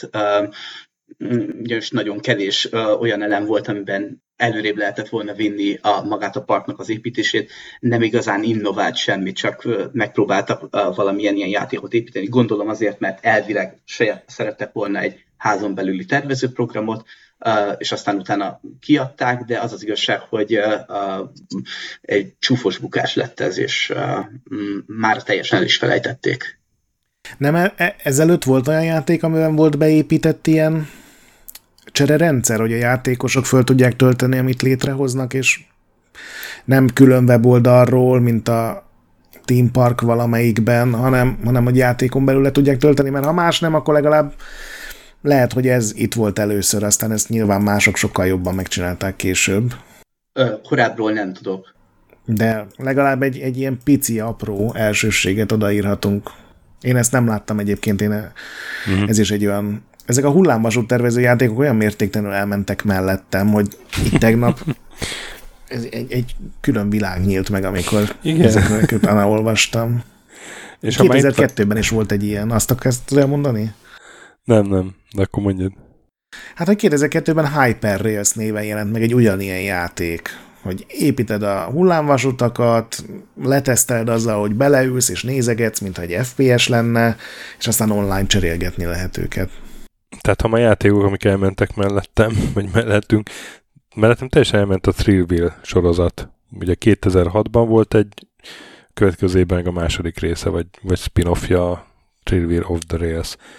És ez, ez mennyire Team Park játék, mert azt láttam, hogy a Wikipedia például nem, nem rakta be a Team Park játékok listájába, miközben én azt hittem, hogy ez is egy ilyen uh, élménypark játék. Nem, ez egy teljes értékű élményparkjáték, nem is értem, Aha. hogy mit gondolt a Wikipédia erről. Igen, ez a Hát a Frontier megcsinált ugye a, a Roller Coaster Tycoon 3-at, és akkor még ugye nem volt az övék a név, tehát Railville néven csináltak egy gyanúsan hasonló játékot PS2-re meg Xbox-ra. Tehát amikor az Atari visszaperelte Chris Sawyer-t, akkor az emiatt volt, hogy a Trailville túlságosan hasonlít Aha, értem. a Rollercoaster Tycoonra. Ha jól emlékszem arra, amit olvastam, akkor hogy a Trillville demójában még voltak konkrét modellek a Rollercoaster Tycoon 3-ból. Én annól játszottam vele, de Ez nekem olyannak tűnt, mint amikor egy PC-s fejlesztő elképzeli, hogy azok a buta, primitív és legfeljebb 12 éves konzolos gyerekeknek le kell butítani a játékot. Tudod, volt néhány ilyen, amikor így, így erősen túlzásba vitték ezt. Nem kezelés szintjén, mert annak lett volna értelme, hanem például az ilyen pénzügyi tárgyalások, meg a, a, amikor ugye a munkásokkal a, az alkut megkötött, hogy mennyiért fognak dolgozni, azokat ilyen mini játékba csinálták, meg volt ilyen nagyon primitív uh, Space Invaders klón, meg ilyen táncolós ritmusjáték, és az összes ilyen kicsit mélyebb pénzügyi részt, azt ezekre a mini játékokra cserélték ki, és ez annyira témaidegen volt számomra. Aztán egyébként most láttam, hogy ez egy sikeres sorozat lett, tehát uh-huh. valószínűleg nem mindenkit zavart. Nekem ilyen kicsit lekezelőnek tűnt ez, hogy hát ne, ne törődj a számokkal, itt van egy táncolós mini játék. Uh-huh. Értem. Hát gyakorlatilag több időt töltesz mini játékokban, mint magában a tervezéssel. Szép volt, színes volt, de nem, nem szórakoztatott, legalábbis uh-huh. engem, de hát végtelenül üresnek is néz ki egyébként, annak ellenére, hogy gyakorlatilag teljes egészében beépíthetett, de egy ilyen nagyon sematikus, béna modellekkel és teljesen átgondolatlan szerkesztőmóddal megvert játék ez igazából. Igen, ilyen fur, furcsán kezelték nagyon ezt a, hogy PC-ről mit vigyünk át, és hogy vigyük át konzolra, és pont nem azokkal a dolgokkal törődtek, mint irányítás, meg a kezelőfelület, ami, amin tényleg kellett volna változtatni, hanem ezek a... Például tudod, a rollercoaster mindig tulajdonképpen egy ilyen láthatatlan hatalom vagy és lerakod a dolgokat, és minden úgy van, ahogy te mondod, de a Trillville-ben ugye te voltál az igazgató, aki egy konkrét karakter volt, és azért tudtál sétálni a parkban, mert ugye a saját karakteredet irányítottad, és raktak bele egy ilyen beszélgetési rendszert is teljesen feleslegesen, hogy a bármelyik látogatóval el tudtál beszélgetni, és nem is csak arról, hogy hogy érzi magát, mert tudod, ez egy csomó játékban van, hogy kinek mi a baja, hogy túl kevés a, az ital, vagy túl drágák a, a rájdok, vagy túl nagy a sorbanállás, hanem ilyen teljesen témaidegen dolgokról is lehetett beszélgetni. Szóval ilyen furcsa volt nekem nagyon. Hát ez van akkor, amikor nincs egy uh, erős kreatív lídje egy uh, fejlesztésnek, hanem uh, így mindenki így bedobta a saját kis ötleteit, és akkor mindent meg is valósítottak belőle. Mm. Hát igen. Kicsit ilyen félre, igen, félre sikerültnek érzem, bár nyilván ezen is sokat dolgoztak, csak valahogy tudod, nem a jó irányba. És akkor 2016-os Planet Coasterig van még valami fontos? Mert nekem úgy tűnt, hogy ez alatt, ez alatt volt egy kis hiátus, illetve hogy mobilra elkezdett át hurcolkodni kicsit a műfaj. Kinek Disneyland Adventures, ami ja, nyilván nem egy menedzserjáték. De... Megépíteni sem lehet benne. Uh-huh. Igen, igen, tehát az egy vidám park bejáró játék, de annak szerintem teljesen ilyen hivatalos Disneyland játékból nem tudom, hogy volt-e ezen kívül. Aha rengeteg... De hát melyikek? Mert a 90-es években is uh, volt már egy uh, Disney, hát vidámparképítőnek nem nevezném, de uh, a Magic Kingdom-os játék az volt. Hát az a, az a NES-es mini játékgyűjteményre gondolsz?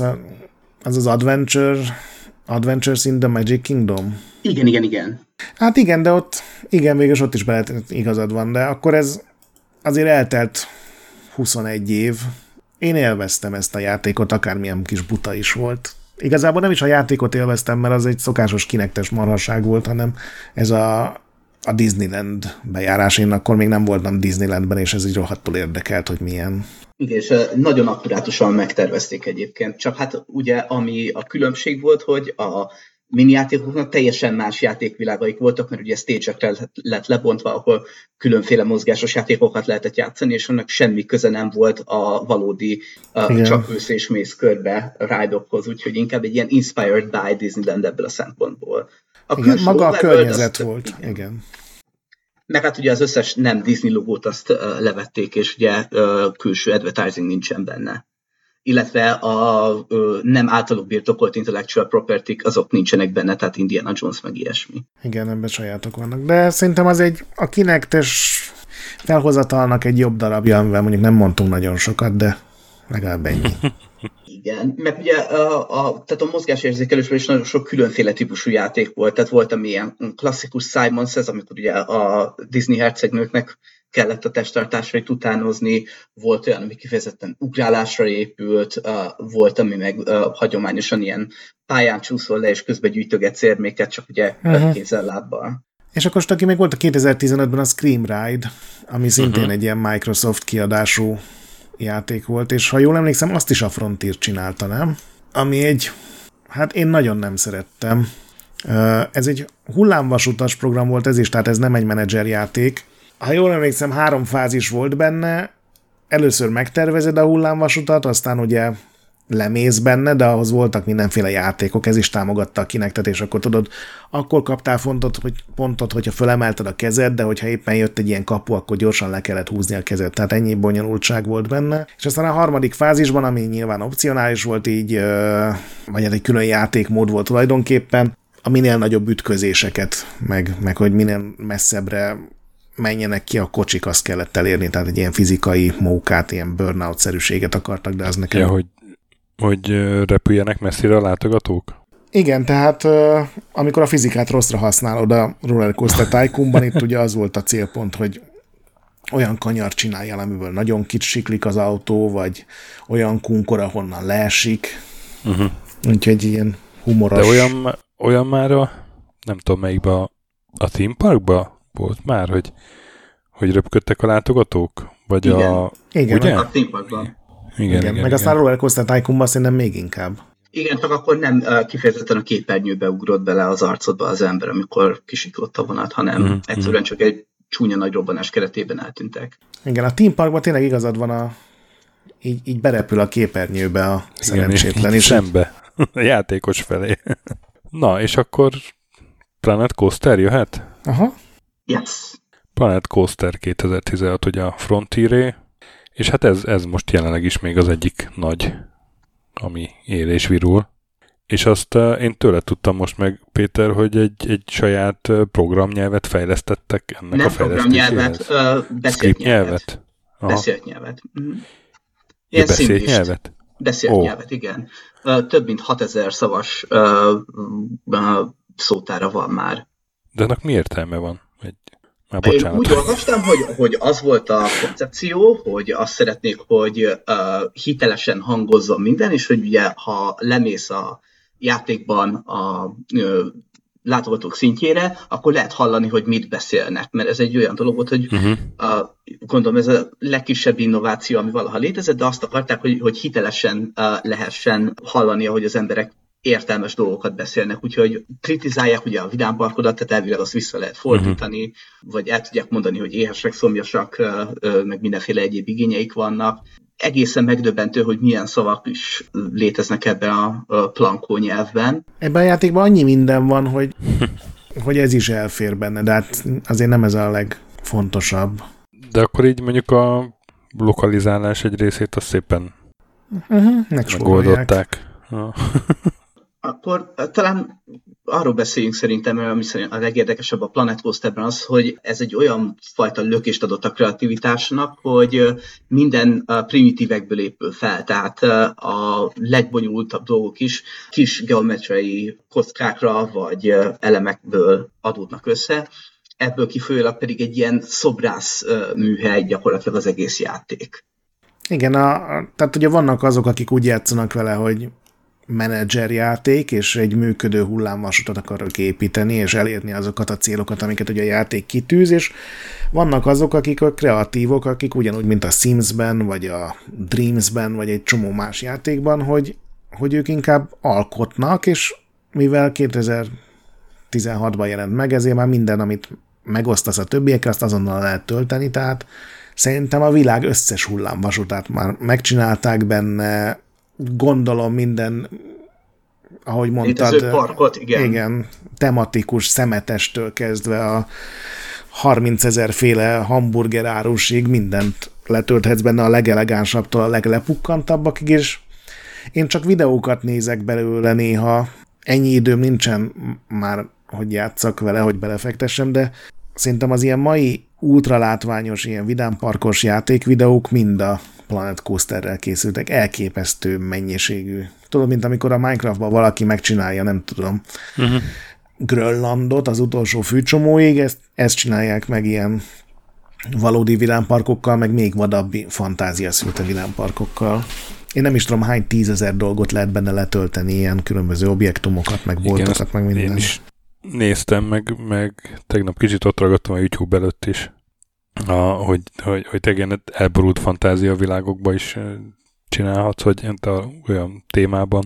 Igen, és egyébként azt lehet látni a közösségen, ugye rendszeresen csinálnak hónapról hónapra ilyen legjobb építések válogatást, és egy eléggé komoly kritériumrendszer alakult ki, hogy milyen típusú parkok milyen kategóriában pályázhatnak, és ezek ugyan egy elég rendesen ilyen több százezeres látogatottságú videókról van szó, úgyhogy egy nagyon élén közösség alakult ki, aminek megvannak az ilyen véleményvezérei is, és egyikükkel személyesen is fel tudtam venni a kapcsolatot, ő Sylvain Bretonier, Sylvain Amá, aki Sylvain néven gyártja videókat, és ő például urban designerként dolgozik és tanul egyszerre, és ő neki egy olyan kreatív hobbi, ami gyakorlatilag az urban planning részét át tudja hozni teljes egészében a Vidám Park tervezésbe. Ja, tehát egy várostervező uh-huh. a valóságban.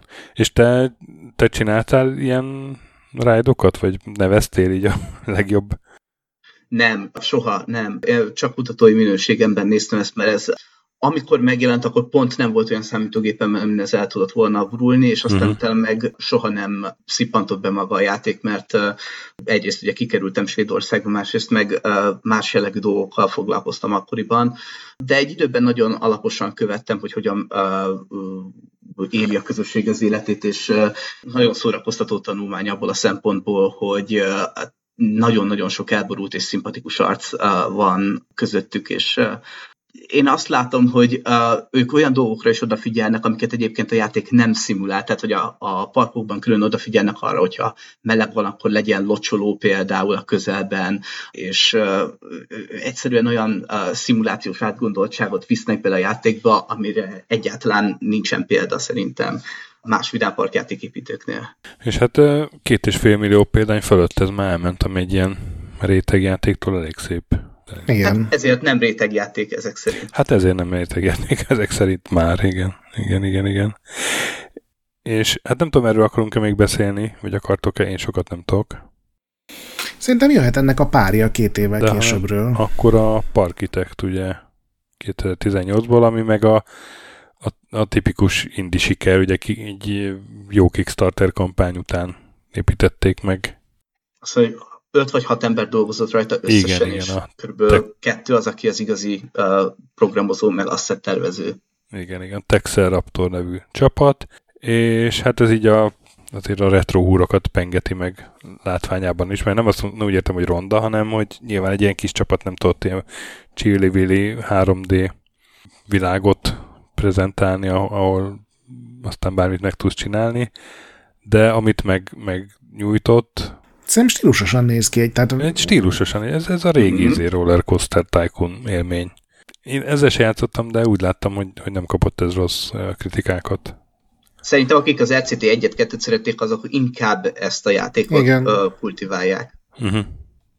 Igen, ez ugye kicsit kétdésebbnek néz ki, egy kicsit a hangsúly az ezen a tehát ugye a Planet Coaster az már, egy, ahogy mondtad, egy ilyen szerkesztővé vált uh-huh. tulajdonképpen, egy szerkesztő platform, amiben amúgy lehet parkokat is építeni, de nem feltétlenül azért, hogy ez egy sikeres park legyen, hanem ugye, hogy egy fassa videóval megismertesd több százezer vagy millió emberrel.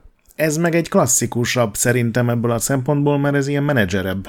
Meg, tehát ez tényleg ez a egy hatékony parkot kell építeni, nem feltétlenül a legszebbet, meg ahol minden apró részletet kidolgozunk, de nekem ez szimpatikus, vagy hát nem, ez lehet, hogy nem jó szó, könnyebben megközelíthetőnek tűnik, ilyen barátságosabbnak. Én ennek idején lemaradtam a kampányáról, de nem tudom, ezt tudjátok esetleg, hogy erre rá is mentek, hogy eleged van már a, csak az ilyen editorokból, és egy rendes menedzserre vágysz, hát akkor támogass minket. Nem volt ilyen? Nem, mert nem. A, ez a eleged van az editorokból, ez, a, ez ugye a No Limits 2, mert hogy az az a program, amit így mindenki kiröhög, hogy fél Aha. év tanulás után elkezdhetsz vele dolgozni. Mert hát ugye az tényleg egy, egy CAD program, egy, egy mhm, tervező uh-huh, program. Itt szerintem nem volt, de ez egy ilyen tök jó természetes különbség, hogy a Planet Coaster meg a Parkitect az a felszínen ugyanaz, de igazából teljesen más közeget szólít meg szerintem. Szimpatikus egyébként így a videók alapján. Szép színes, tök jól néz ki. Mondom, nekem szimpatikusabb emiatt. Befogadható, mint a Planet Coaster, pedig valószínűleg mindent meg tudsz csinálni a Planet Coasterben is, amit a Parkitekben. Fordítva már nem feltétlenül. Aha, aha. Igen. A Parkiteknek egyébként egy nagyon fontos újítása volt, hogy mm, külön oda kellett figyelni arra, hogy a dolgozók azok például ne kerüljenek a látogatók szem elé. Tehát, hogy odafigyeltek a backstage, frontstage különbségre, ami az első az ilyen játékok között, hogy külön arra kellett odafigyelni, hogy ami a park működését és az infrastruktúráját szolgálja, annak nem szabad a látogatók szem elé kerülnie. Azt mondod, hogy a Team Parkban a megoldás, hogy az overallos szerelő oda megy a kalapáccsal fényes nappal, és elkezdi javítani a látványosságot, ez nem tesz jót az üzletnek? Nem, hát ugye erre kifejezetten ugye a Disney volt maga, aki felfigyelt arra, hogy a, mikor elment, mit tudom én, a Tivoli Gardensbe, meg a amerikai parkokba, hogy egyfolytában azt látta, hogy mindenütt a dolgozók ott vannak, és ő nagyon figyelt arra, hogy amikor az Disneylandet megcsinálták, hogy akkor legyen lehetőség arra, hogy szét tudják választani a mindent, ami a varázslat, meg minden az, ami a színfalak mögött van. Úgyhogy ez azóta egy kulcs momentum a Vidám Park tervezésnek, hogy uh, uh-huh. választák szét a kettőt. És ugye amikor a Disney World-öt megcsinálták, akkor az eleve úgy volt, hogy nem is a föld szintre építették a parkot, hanem megemelték az egész terepet egy olyan jó egyemeletnyi magasságba, és a teljes infrastruktúra nagy részét, a szemétledobókat, meg ilyesmiket, az gyakorlatilag a földszintre építették, és az első emelettől kezdődik maga a park. Uh-huh. Ez azért durva lehet egy ilyet megtervezni, erre még szerintem a Planet Coaster sem feltétlenül alkalmas, de hát... Nem, de hát hogy itt pont a parkitekbe köszön vissza az, amit egyébként ugye a, a theme parkban mondtunk, hogy uh, oda kell figyelni egy csomó minden menedzseri uh, szempontból is, és uh, itt például az van, hogy itt megint van újra stock. Tehát megint be kell vásárolni, és megint oda kell figyelni, hogy legyen mhm. elég hol a sült krumpli. És akkor a jövő az meg ezt a Park Beyondot rejti. Igen, vagy... idénre ígérték, de most már 2023 a megjelenés. A videó alapján extrém látványos dolgokat lehet vele csinálni, csak én azt nem tudom, hogy ez azt jelenti, hogy, hogy mint a, a Planet Coasterben, hogy mindent te tudsz megtervezni, vagy hogy ők csináltak nagyon sokféle modellt. Még nagyon keveset mutattak belőle szerintem, úgyhogy senki nem tudja, hogy milyen lesz, de nem tűnik igénytelennek, ami már egy ilyen jó hír. Na, és akkor ezzel a műfajt így nagyjából átbeszéltek, ugye? Aha.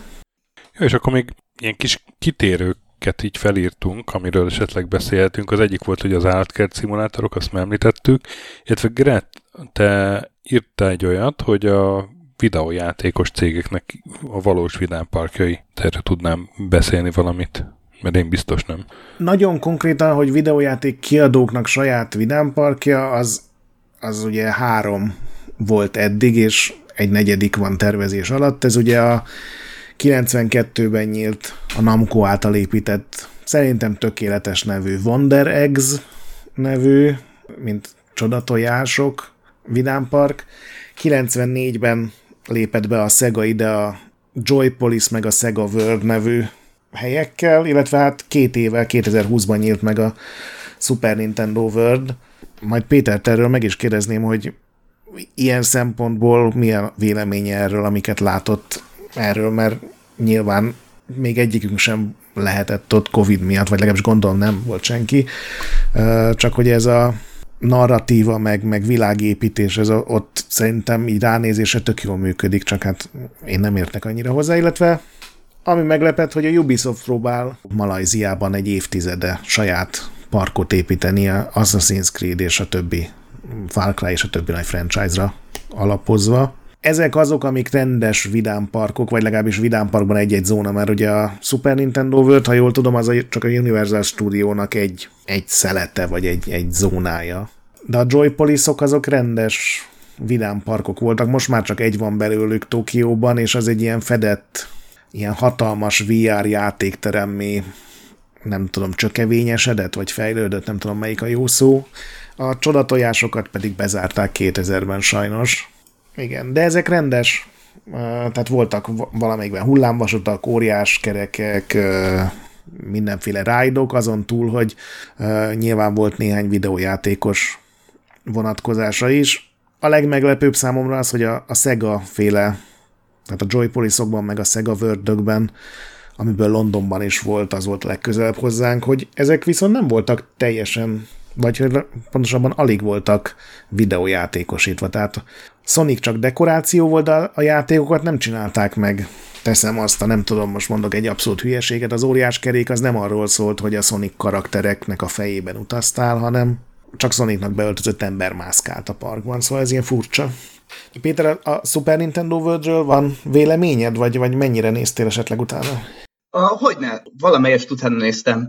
Én azt látom, hogy a térbeli tervezésében megpróbálja felmondani a Disney leckét, tehát fontos, hogy legyenek nagy kastélyok, ilyen kiugró, messziről látható viszonyítási pontok, amihez képes tudod magad navigálni, csak nincsen átgondolva a térszerkezete a parknak, és sokkal kisebbnek hat, mint amekkora valójában. Mondom ezt úgy, hogy ugye tudjuk, hogy ez csak egy régiója a Super Nintendo World egy nagyobb parknak, de hogy például ugye ott van a Bowser kastély melletti a nagyobb régió, és szerintem például teljesen átgondolatlan, hogy roppant szögletesre van tervezve minden. Értem én, hogy ugye a Mario játékoknak a vizuális világát próbálják meg újra kiadni, csak az a baj, hogy nem túl fluid a vonalvezetése a parknak, és nem tud bele eléggé elveszni az uh-huh. ember ahhoz, hogy, ahhoz, hogy meglegyen ez a mindent átható világérzeted például. És ugye összesen ugye két uh, attrakció van belőle, amilyen ride ride, és ugye a többi meg különféle ilyen bolt, uh-huh. meg uh, én azt látom, hogy uh, gyakorlatilag arra építették az egészet, hogy uh, valaki a mobiltelefonjával együtt megy oda, és akkor uh, át ezt az augmented reality-s mm, mellékjátékokat játszik. És veszi a merchandise-t és ilyen gőzerővel. De egyébként az, az tényleg jó látni, hogy arra odafigyeltek, hogy a minden egyes elem hűen tükrözze vissza ugye a formavilágát a Nintendo játékoknak, és egy, egy, egy, egy valamit nem értek az egészben, hogy hogy lehetett azt megcsinálni, hogy gyakorlatilag csak ugye a mainline két vagy három, tehát a Mario, Donkey Kong játékokra építették az egészet, és hogy nem vittek bele valami mást, ami még az egyéb ilyen kisebb Nintendo játékokból minden, ami nem Mario. Igen, az főleg, hogy ugye volna még Super Nintendo World a neve, tehát bőven belefért volna egy Zelda, vagy, vagy Metroid, vagy bármi más nem tudom, lehet, hogy majd terjeszkednek, bár nem tudom, hogy lehet ezekben terjeszkedni, vagy gondolom azért a telekárak elég durvák. Hát különösen ott. De Super Nintendo World egyébként azt hiszem még két Universal stúdióban épül, nem tudom melyikben, Orlandóban talán, meg uh-huh. Los Angelesben. Igen. Úgyhogy kíváncsi vagyok, hogy az más lesz-e, vagy, vagy, vagy... Nem, szerintem franchise-ban ugyanazt építik ja, meg gyakorlatilag. Lehet. Ezek itt nagyon-nagyon vigyáznak az intellectual property-re, tehát hogyha valamit le akarsz másolni, akkor ott nagyon komoly szerződések vannak, és szerintem nem itt fogják feltalálni a spanyol viaszt. Én írtam fel még egy apróságot, mert tényleg már csak egy ilyen kitérő, csak találtam egy érdekes cikket, és gondoltam, megemlítem, hogy, hogy a, a vidámparkokban, mert ez igazi vidámparkokban a, a szimulátorok azok mennyire teret hódítottak, mint a, a számítógépes szimulációk, ha úgy vesszük. De ugye ezt uh, láttuk mi is a Universal parkban, ahol, ahol voltunk többször is, és amikor legutóbb voltunk, akkor már, már egy csomó, akkor volt a Transformers ride is, ami az volt, hogy beültél egy cégbe, amit ráztak alattad, meg nem tudom, és nézted a nagy vásznon, ahogy megy a Transformers, meg volt, ami ráadásul egy virtuális hullámvasút volt a, uh-huh. a mhm. Simpsons ride. Nem tudom, arra te végül felültél egyet, eltakart szemmel, Igen, vagy nem. nem néztem. Felültél, és így sápattan izé eltakartad a szemedet. De az gyakorlatilag egy, egy kis szoba volt, egy, nem tudom, egy személyes. Egy álló hullámvas, egy hullámvasút, nem tudom, milyen kocsiba beültél, amilyen pneumatikus karokon állt, és akkor nyilván azok rángatták jobbra-balra a hullámvasutat, közben megnézted a körülötted mindenhova vetített Simpsons világot, és különben szerintem tök jó ride volt, meg helytakarékos, meg nem tudom, csomó előnye van biztos. És hogy ezek, eh, ezek így kezdik el hódítani a teret az ilyen valódi látványosságok elől, mint ami például ugyanabban a Universal Studio-ban volt a, nem tudom, még van-e még a, a Waterworld ride, ami az gyakorlatilag egy ilyen kaszkadős nem is ride, vagy nekem nem nekünk ride, mert az Hát az, ja, az nem is, nem is igazi ráj, de igazából inkább egy előadás. De annyiban a témához kapcsolódik, hogy a filmben játszott Kevin Coaster. Egyébként a nagy ígérete a számítógépes szimulációnak a parkok számára az az, hogy a, a vendégek számára uh, customizálható és uh, uh, újra rájdolásnál más-más élményt adó programokat Aha. lehet benne futtatni, tehát gyakorlatilag elvileg meg lehetne azt is csinálni, hogy a látogatók döntésein alapulva más és más történeteket lássanak. Azt hiszem ez a Star Wars Galaxy Edge-be például ezt meg is próbálták valósítani, és ott, hogyha kétszer-háromszor végigrájtol, akkor más-más sztori elemeket fogsz kapni, és ebből valamennyire randomizálva adja a különféle történetszálakat. Hát sok új dolgot tanultam, többek között ezt is ma. A kicsit nem tudom, így a kulturális hatásról is talán beszélhetünk, hogy, hogy azért a, hát főleg a Roller Coaster Tycoon 2, mondjuk főleg a, ennek az ORCT 2-nek köszönhető, meg, meg hát most legutóbb a Planet Coaster, azért az tényleg egy kiemelt így a rétegjátékságból ezt az egészet, és ugye megjelentek ezek a, az őrültek is a YouTube-on, a azt emlékszem, annak idején be is raktam egy cikkbe, hogy, hogy valaki egy számológépet épített uh, Rollercoaster Tycoon 2-ben például. Igen, ő a Marcel Voss nevezetű holland youtuber, aki egészen megdöbbentő dolgokat csinál, de uh, valóban nem csak, hogy számológépet tervezett bele, hanem azt mondom, hogy egy komplet számítógépet is valahogyan meg lehetett belőle építeni, mert egy kicsit bonyolultabb volt ennél. Én ezeket már nem is nagyon tudom fölfogni, hogy ez mit jelent, hogy őszinte legyek, mint amikor valaki a Minecraftban Pokémon csinál, hogy ilyen nincs is. Ilyen állat már pedig nincs. Marcellus arról is híres egyébként, hogy ő tervezte meg a lehető leghosszabb hullámvasutat, ami több mint 40 ingame éven keresztül uh, megy, amíg uh, végigér, és uh, változatos uh, szivatásokat uh, dolgozott ki a pípjei számára. Uh, többek között azt is, hogy van egy olyan uh, hullámvasút, amiről nem tud leszállni az ember. Az igazi rémálom az én számomra. És ő a Guinness rekorder is? Mert azt meg, megint a te jegyzeteidből láttam, hogy van egy csávó, aki bekerült a Guinness rekordok könyvébe is, azzal, hogy mennyi tíz évig épített egy darab rollercoaster Tycoon pályát. Nem, az nem ő. Az Sebastian Brentgén. Hát ez csak lustaság. De nem, hát ő az OpenRCT 2-t akkor kezdte használni körülbelül, amikor kijött, uh-huh. és a lehető legnagyobb, tehát az eredeti Rollercoaster Tycoon 2-ben már nem kezelt nagyságú térképen kezdett el dolgozni, és lehet látni az elkészült világban, hogy nagyon gondosan odafigyelt arra, hogy tematikus blokkokra építse a parkot, és szabályosan lehet látni rajta, hogy mettől meddig tartanak az egyes tematikus blokkok. Itt a jégvilág, itt a tűzvilág, itt a szigetvilág, és így tovább, és így tovább. Durva. És akkor beszélj egy kicsit a kutatásaidról. Mi, mit, mit tudsz ezen ennyit kutatni? Hát az, az igazság, hogy létezik olyan, hogy Theme Park Studies. Én amikor eszemben voltam, akkor egy hat hónapos ösztöndíjat kaptam a Kulturwissenschaftliches Instituttól, hogy uh, theme parkkal foglalkozzak, és két dolog foglalkoztat engem igazából, tehát hogy mit jelent pontosan az, hogy e a, tematikus volt a tematikus parkoknak, illetve hogy hogyan csinálnak a térből narratívákat, tehát hogy hogyan lehet térben elhelyezni dolgokat úgy, hogy abból egy koherens egész történet alakuljon ki. Ennek az illusztrálására én mindig a, az Anandapur szoktam hozni, ami ugye a Disney's Animal Kingdomnak az egyik régiója, ami egy komplett indiai város, nap van tematizálva, de úgy, hogy egy uh, teljes uh, történetvilágot kitaláltak hozzá, uh, történelemmel, saját írásrendszerrel, és uh, uh, gyakorlatilag az egész uh, park úgy van megépítve, vagy az a tematikus blokk úgy van megépítve, hogy lehessen látni a történelmi koroknak a változását az épületeken például. Úgyhogy e, ez foglalkoztatott nagyon, és akkor e, a, olyan tanulmányokat írtam, ami a, pont a vidám parkok és a számítógépes játékok kapcsolatát boncolgatja, hogy mennyire hatott e, a Vidám Parknak a térbeli tervezése a videójátékoknak, különösen 3D-s videójátékoknak a térbeli narratívájának a képzésére.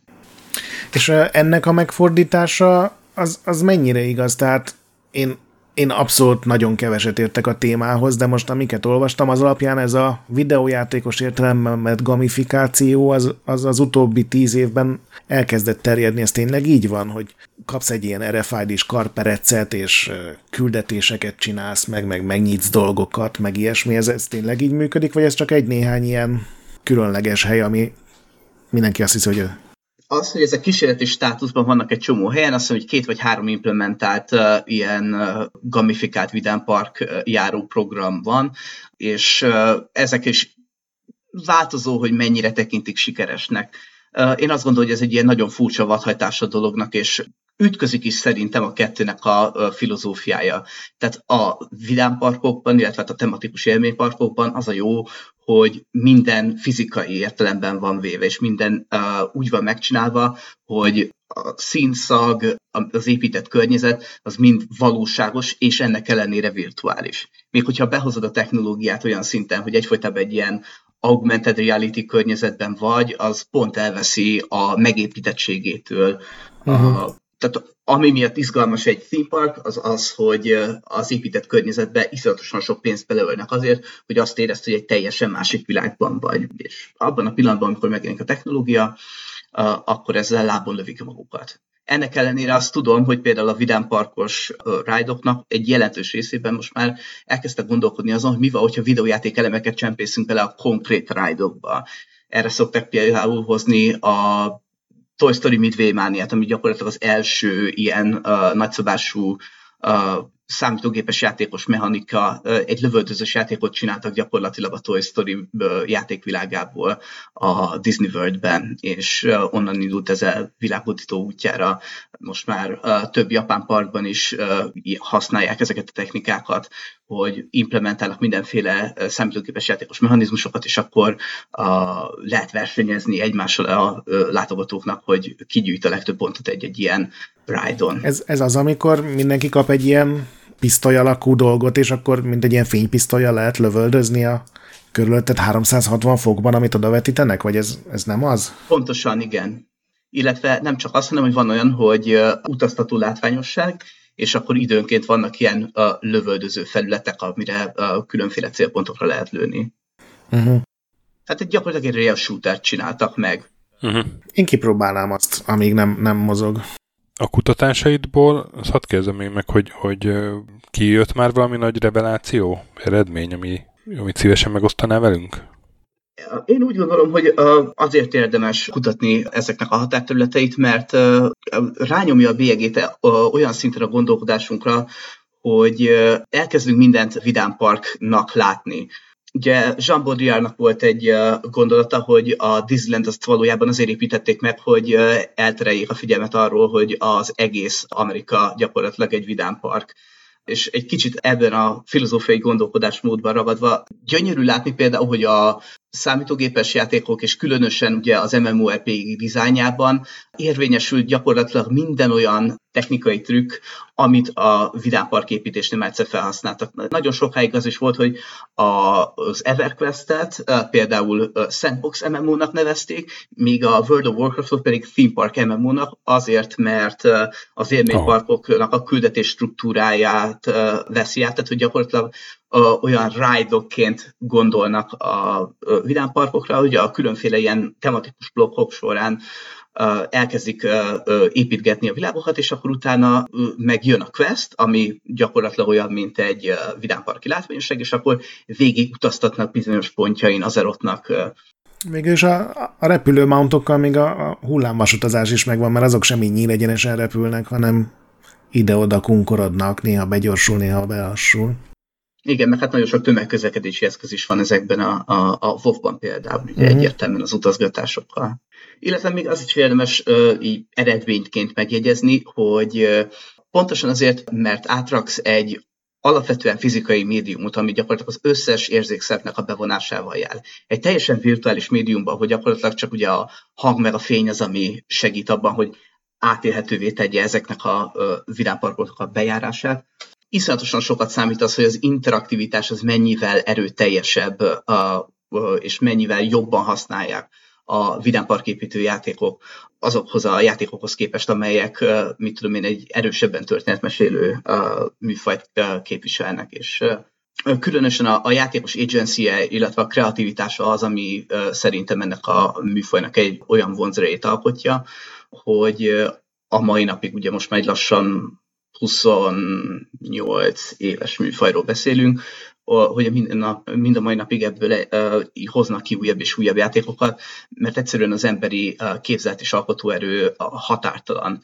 És ezt a határt legelőször maguk a, a vidámparkok, illetve a parkok nyitották ki, hogy meg tudunk építeni egy teljesen másik valóságot. Na, kedves Péter, nagyon szépen köszönjük, hogy hát ezt a, nem tudom, hogy mondjam, furcsa hobbidat, szakmádat, is is, kattanásodat megosztottad velünk. Hát nem tudom, én, én rengeteget tanultam ma.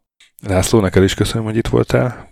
Nagyon szívesen kedves hallgatók, nektek meg aztán pláne, legközelebb jövünk minivel, aztán folytatódik tovább a 2022-es évad, amiben lesz talán egy meglepetésünk a vége felé.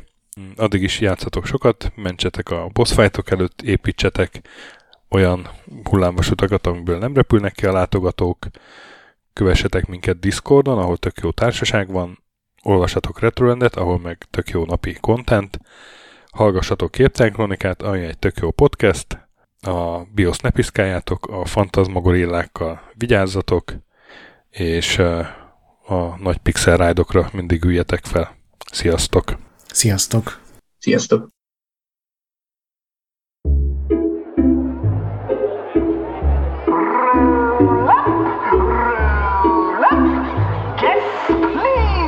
Come, come right in.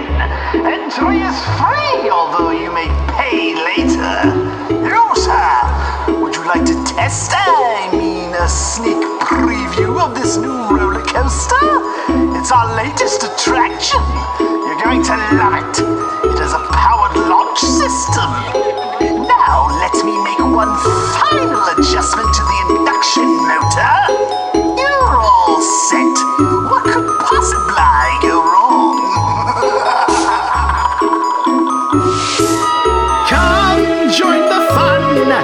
You're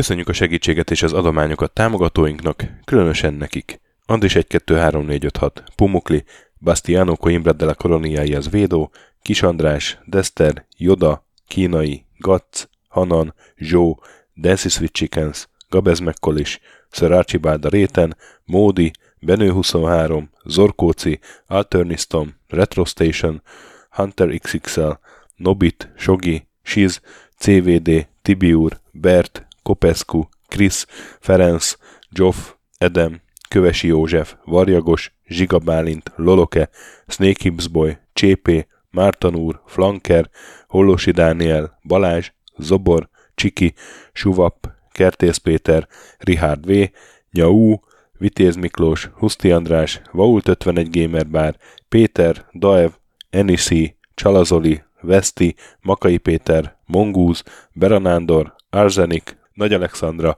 Andrew Boy, Fogtündér, Szaszamester, Kviha, Mazi, Tryman, Magyar Kristóf, Krit 23, Kuruc Ádám, Jedi, Harvester Marc, Igor, Pixelever, Oprüke, Estring, Kecskés János, MacMiger, Dvorski Dániel, Dénes, Kozmér Joe, Sakali, Kopasz Nagyhajú, Colorblind, Vic, Furious Adam, Kis Dávid, Maz, Mr. Corley, Nagy Gyula, Gergely B., Sorel, Naturlecsó, Devencs, Kaktusz, Tom, Jed, Apai Márton, Balcó, Alagi úr, Judgebred, László, Opat, Jani bácsi, Dabroszki Ádám, Gévas, Zabolik, Kákris, Logan, Hédi, Tomiszt, Att, Gyuri, Kevin Hun, Zobug, Balog Tamás, Ellászló, Gombos Márk, Valisz, Hekkés Lángos, Szati, Rudimester, Sancho Musax, Elektronikus Bárány, Nand, Valand, Jancsa, Burgerpápa Jani,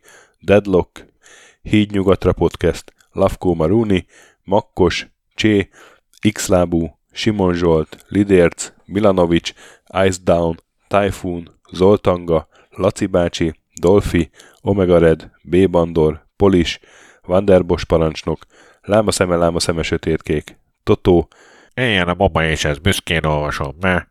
KFGK, Holdkor, Dwarf, Kemi 242, Obert Motz, Szekmen, LB, Ermint Ervin, TR Blaze, Nyek, Emelematét, Házbú, Tündér Béla, Adam Kreiswolf, Vagonköltő, Csemnicki Péter, Német Bálint, Csabi, Mandrás, Varegab, Melkor 78, Lemon Alvarez, Csekő István, Schmidt Zoltán, Bobesz 5, Kavicsok a Margon Félix, Luther, Hardy, Rozmi, Glezman, Brusnicki Péter, Ned, Elgringo, Szféra Karcoló, Glisz Gábor, Q, Mentolos Kolbász, Gliscard, Albin, Zsovez, Invi, Tomek G, Gucci Mental, Dreska Szilárd, Kapi, I Love Hitagi és Bodó Roland.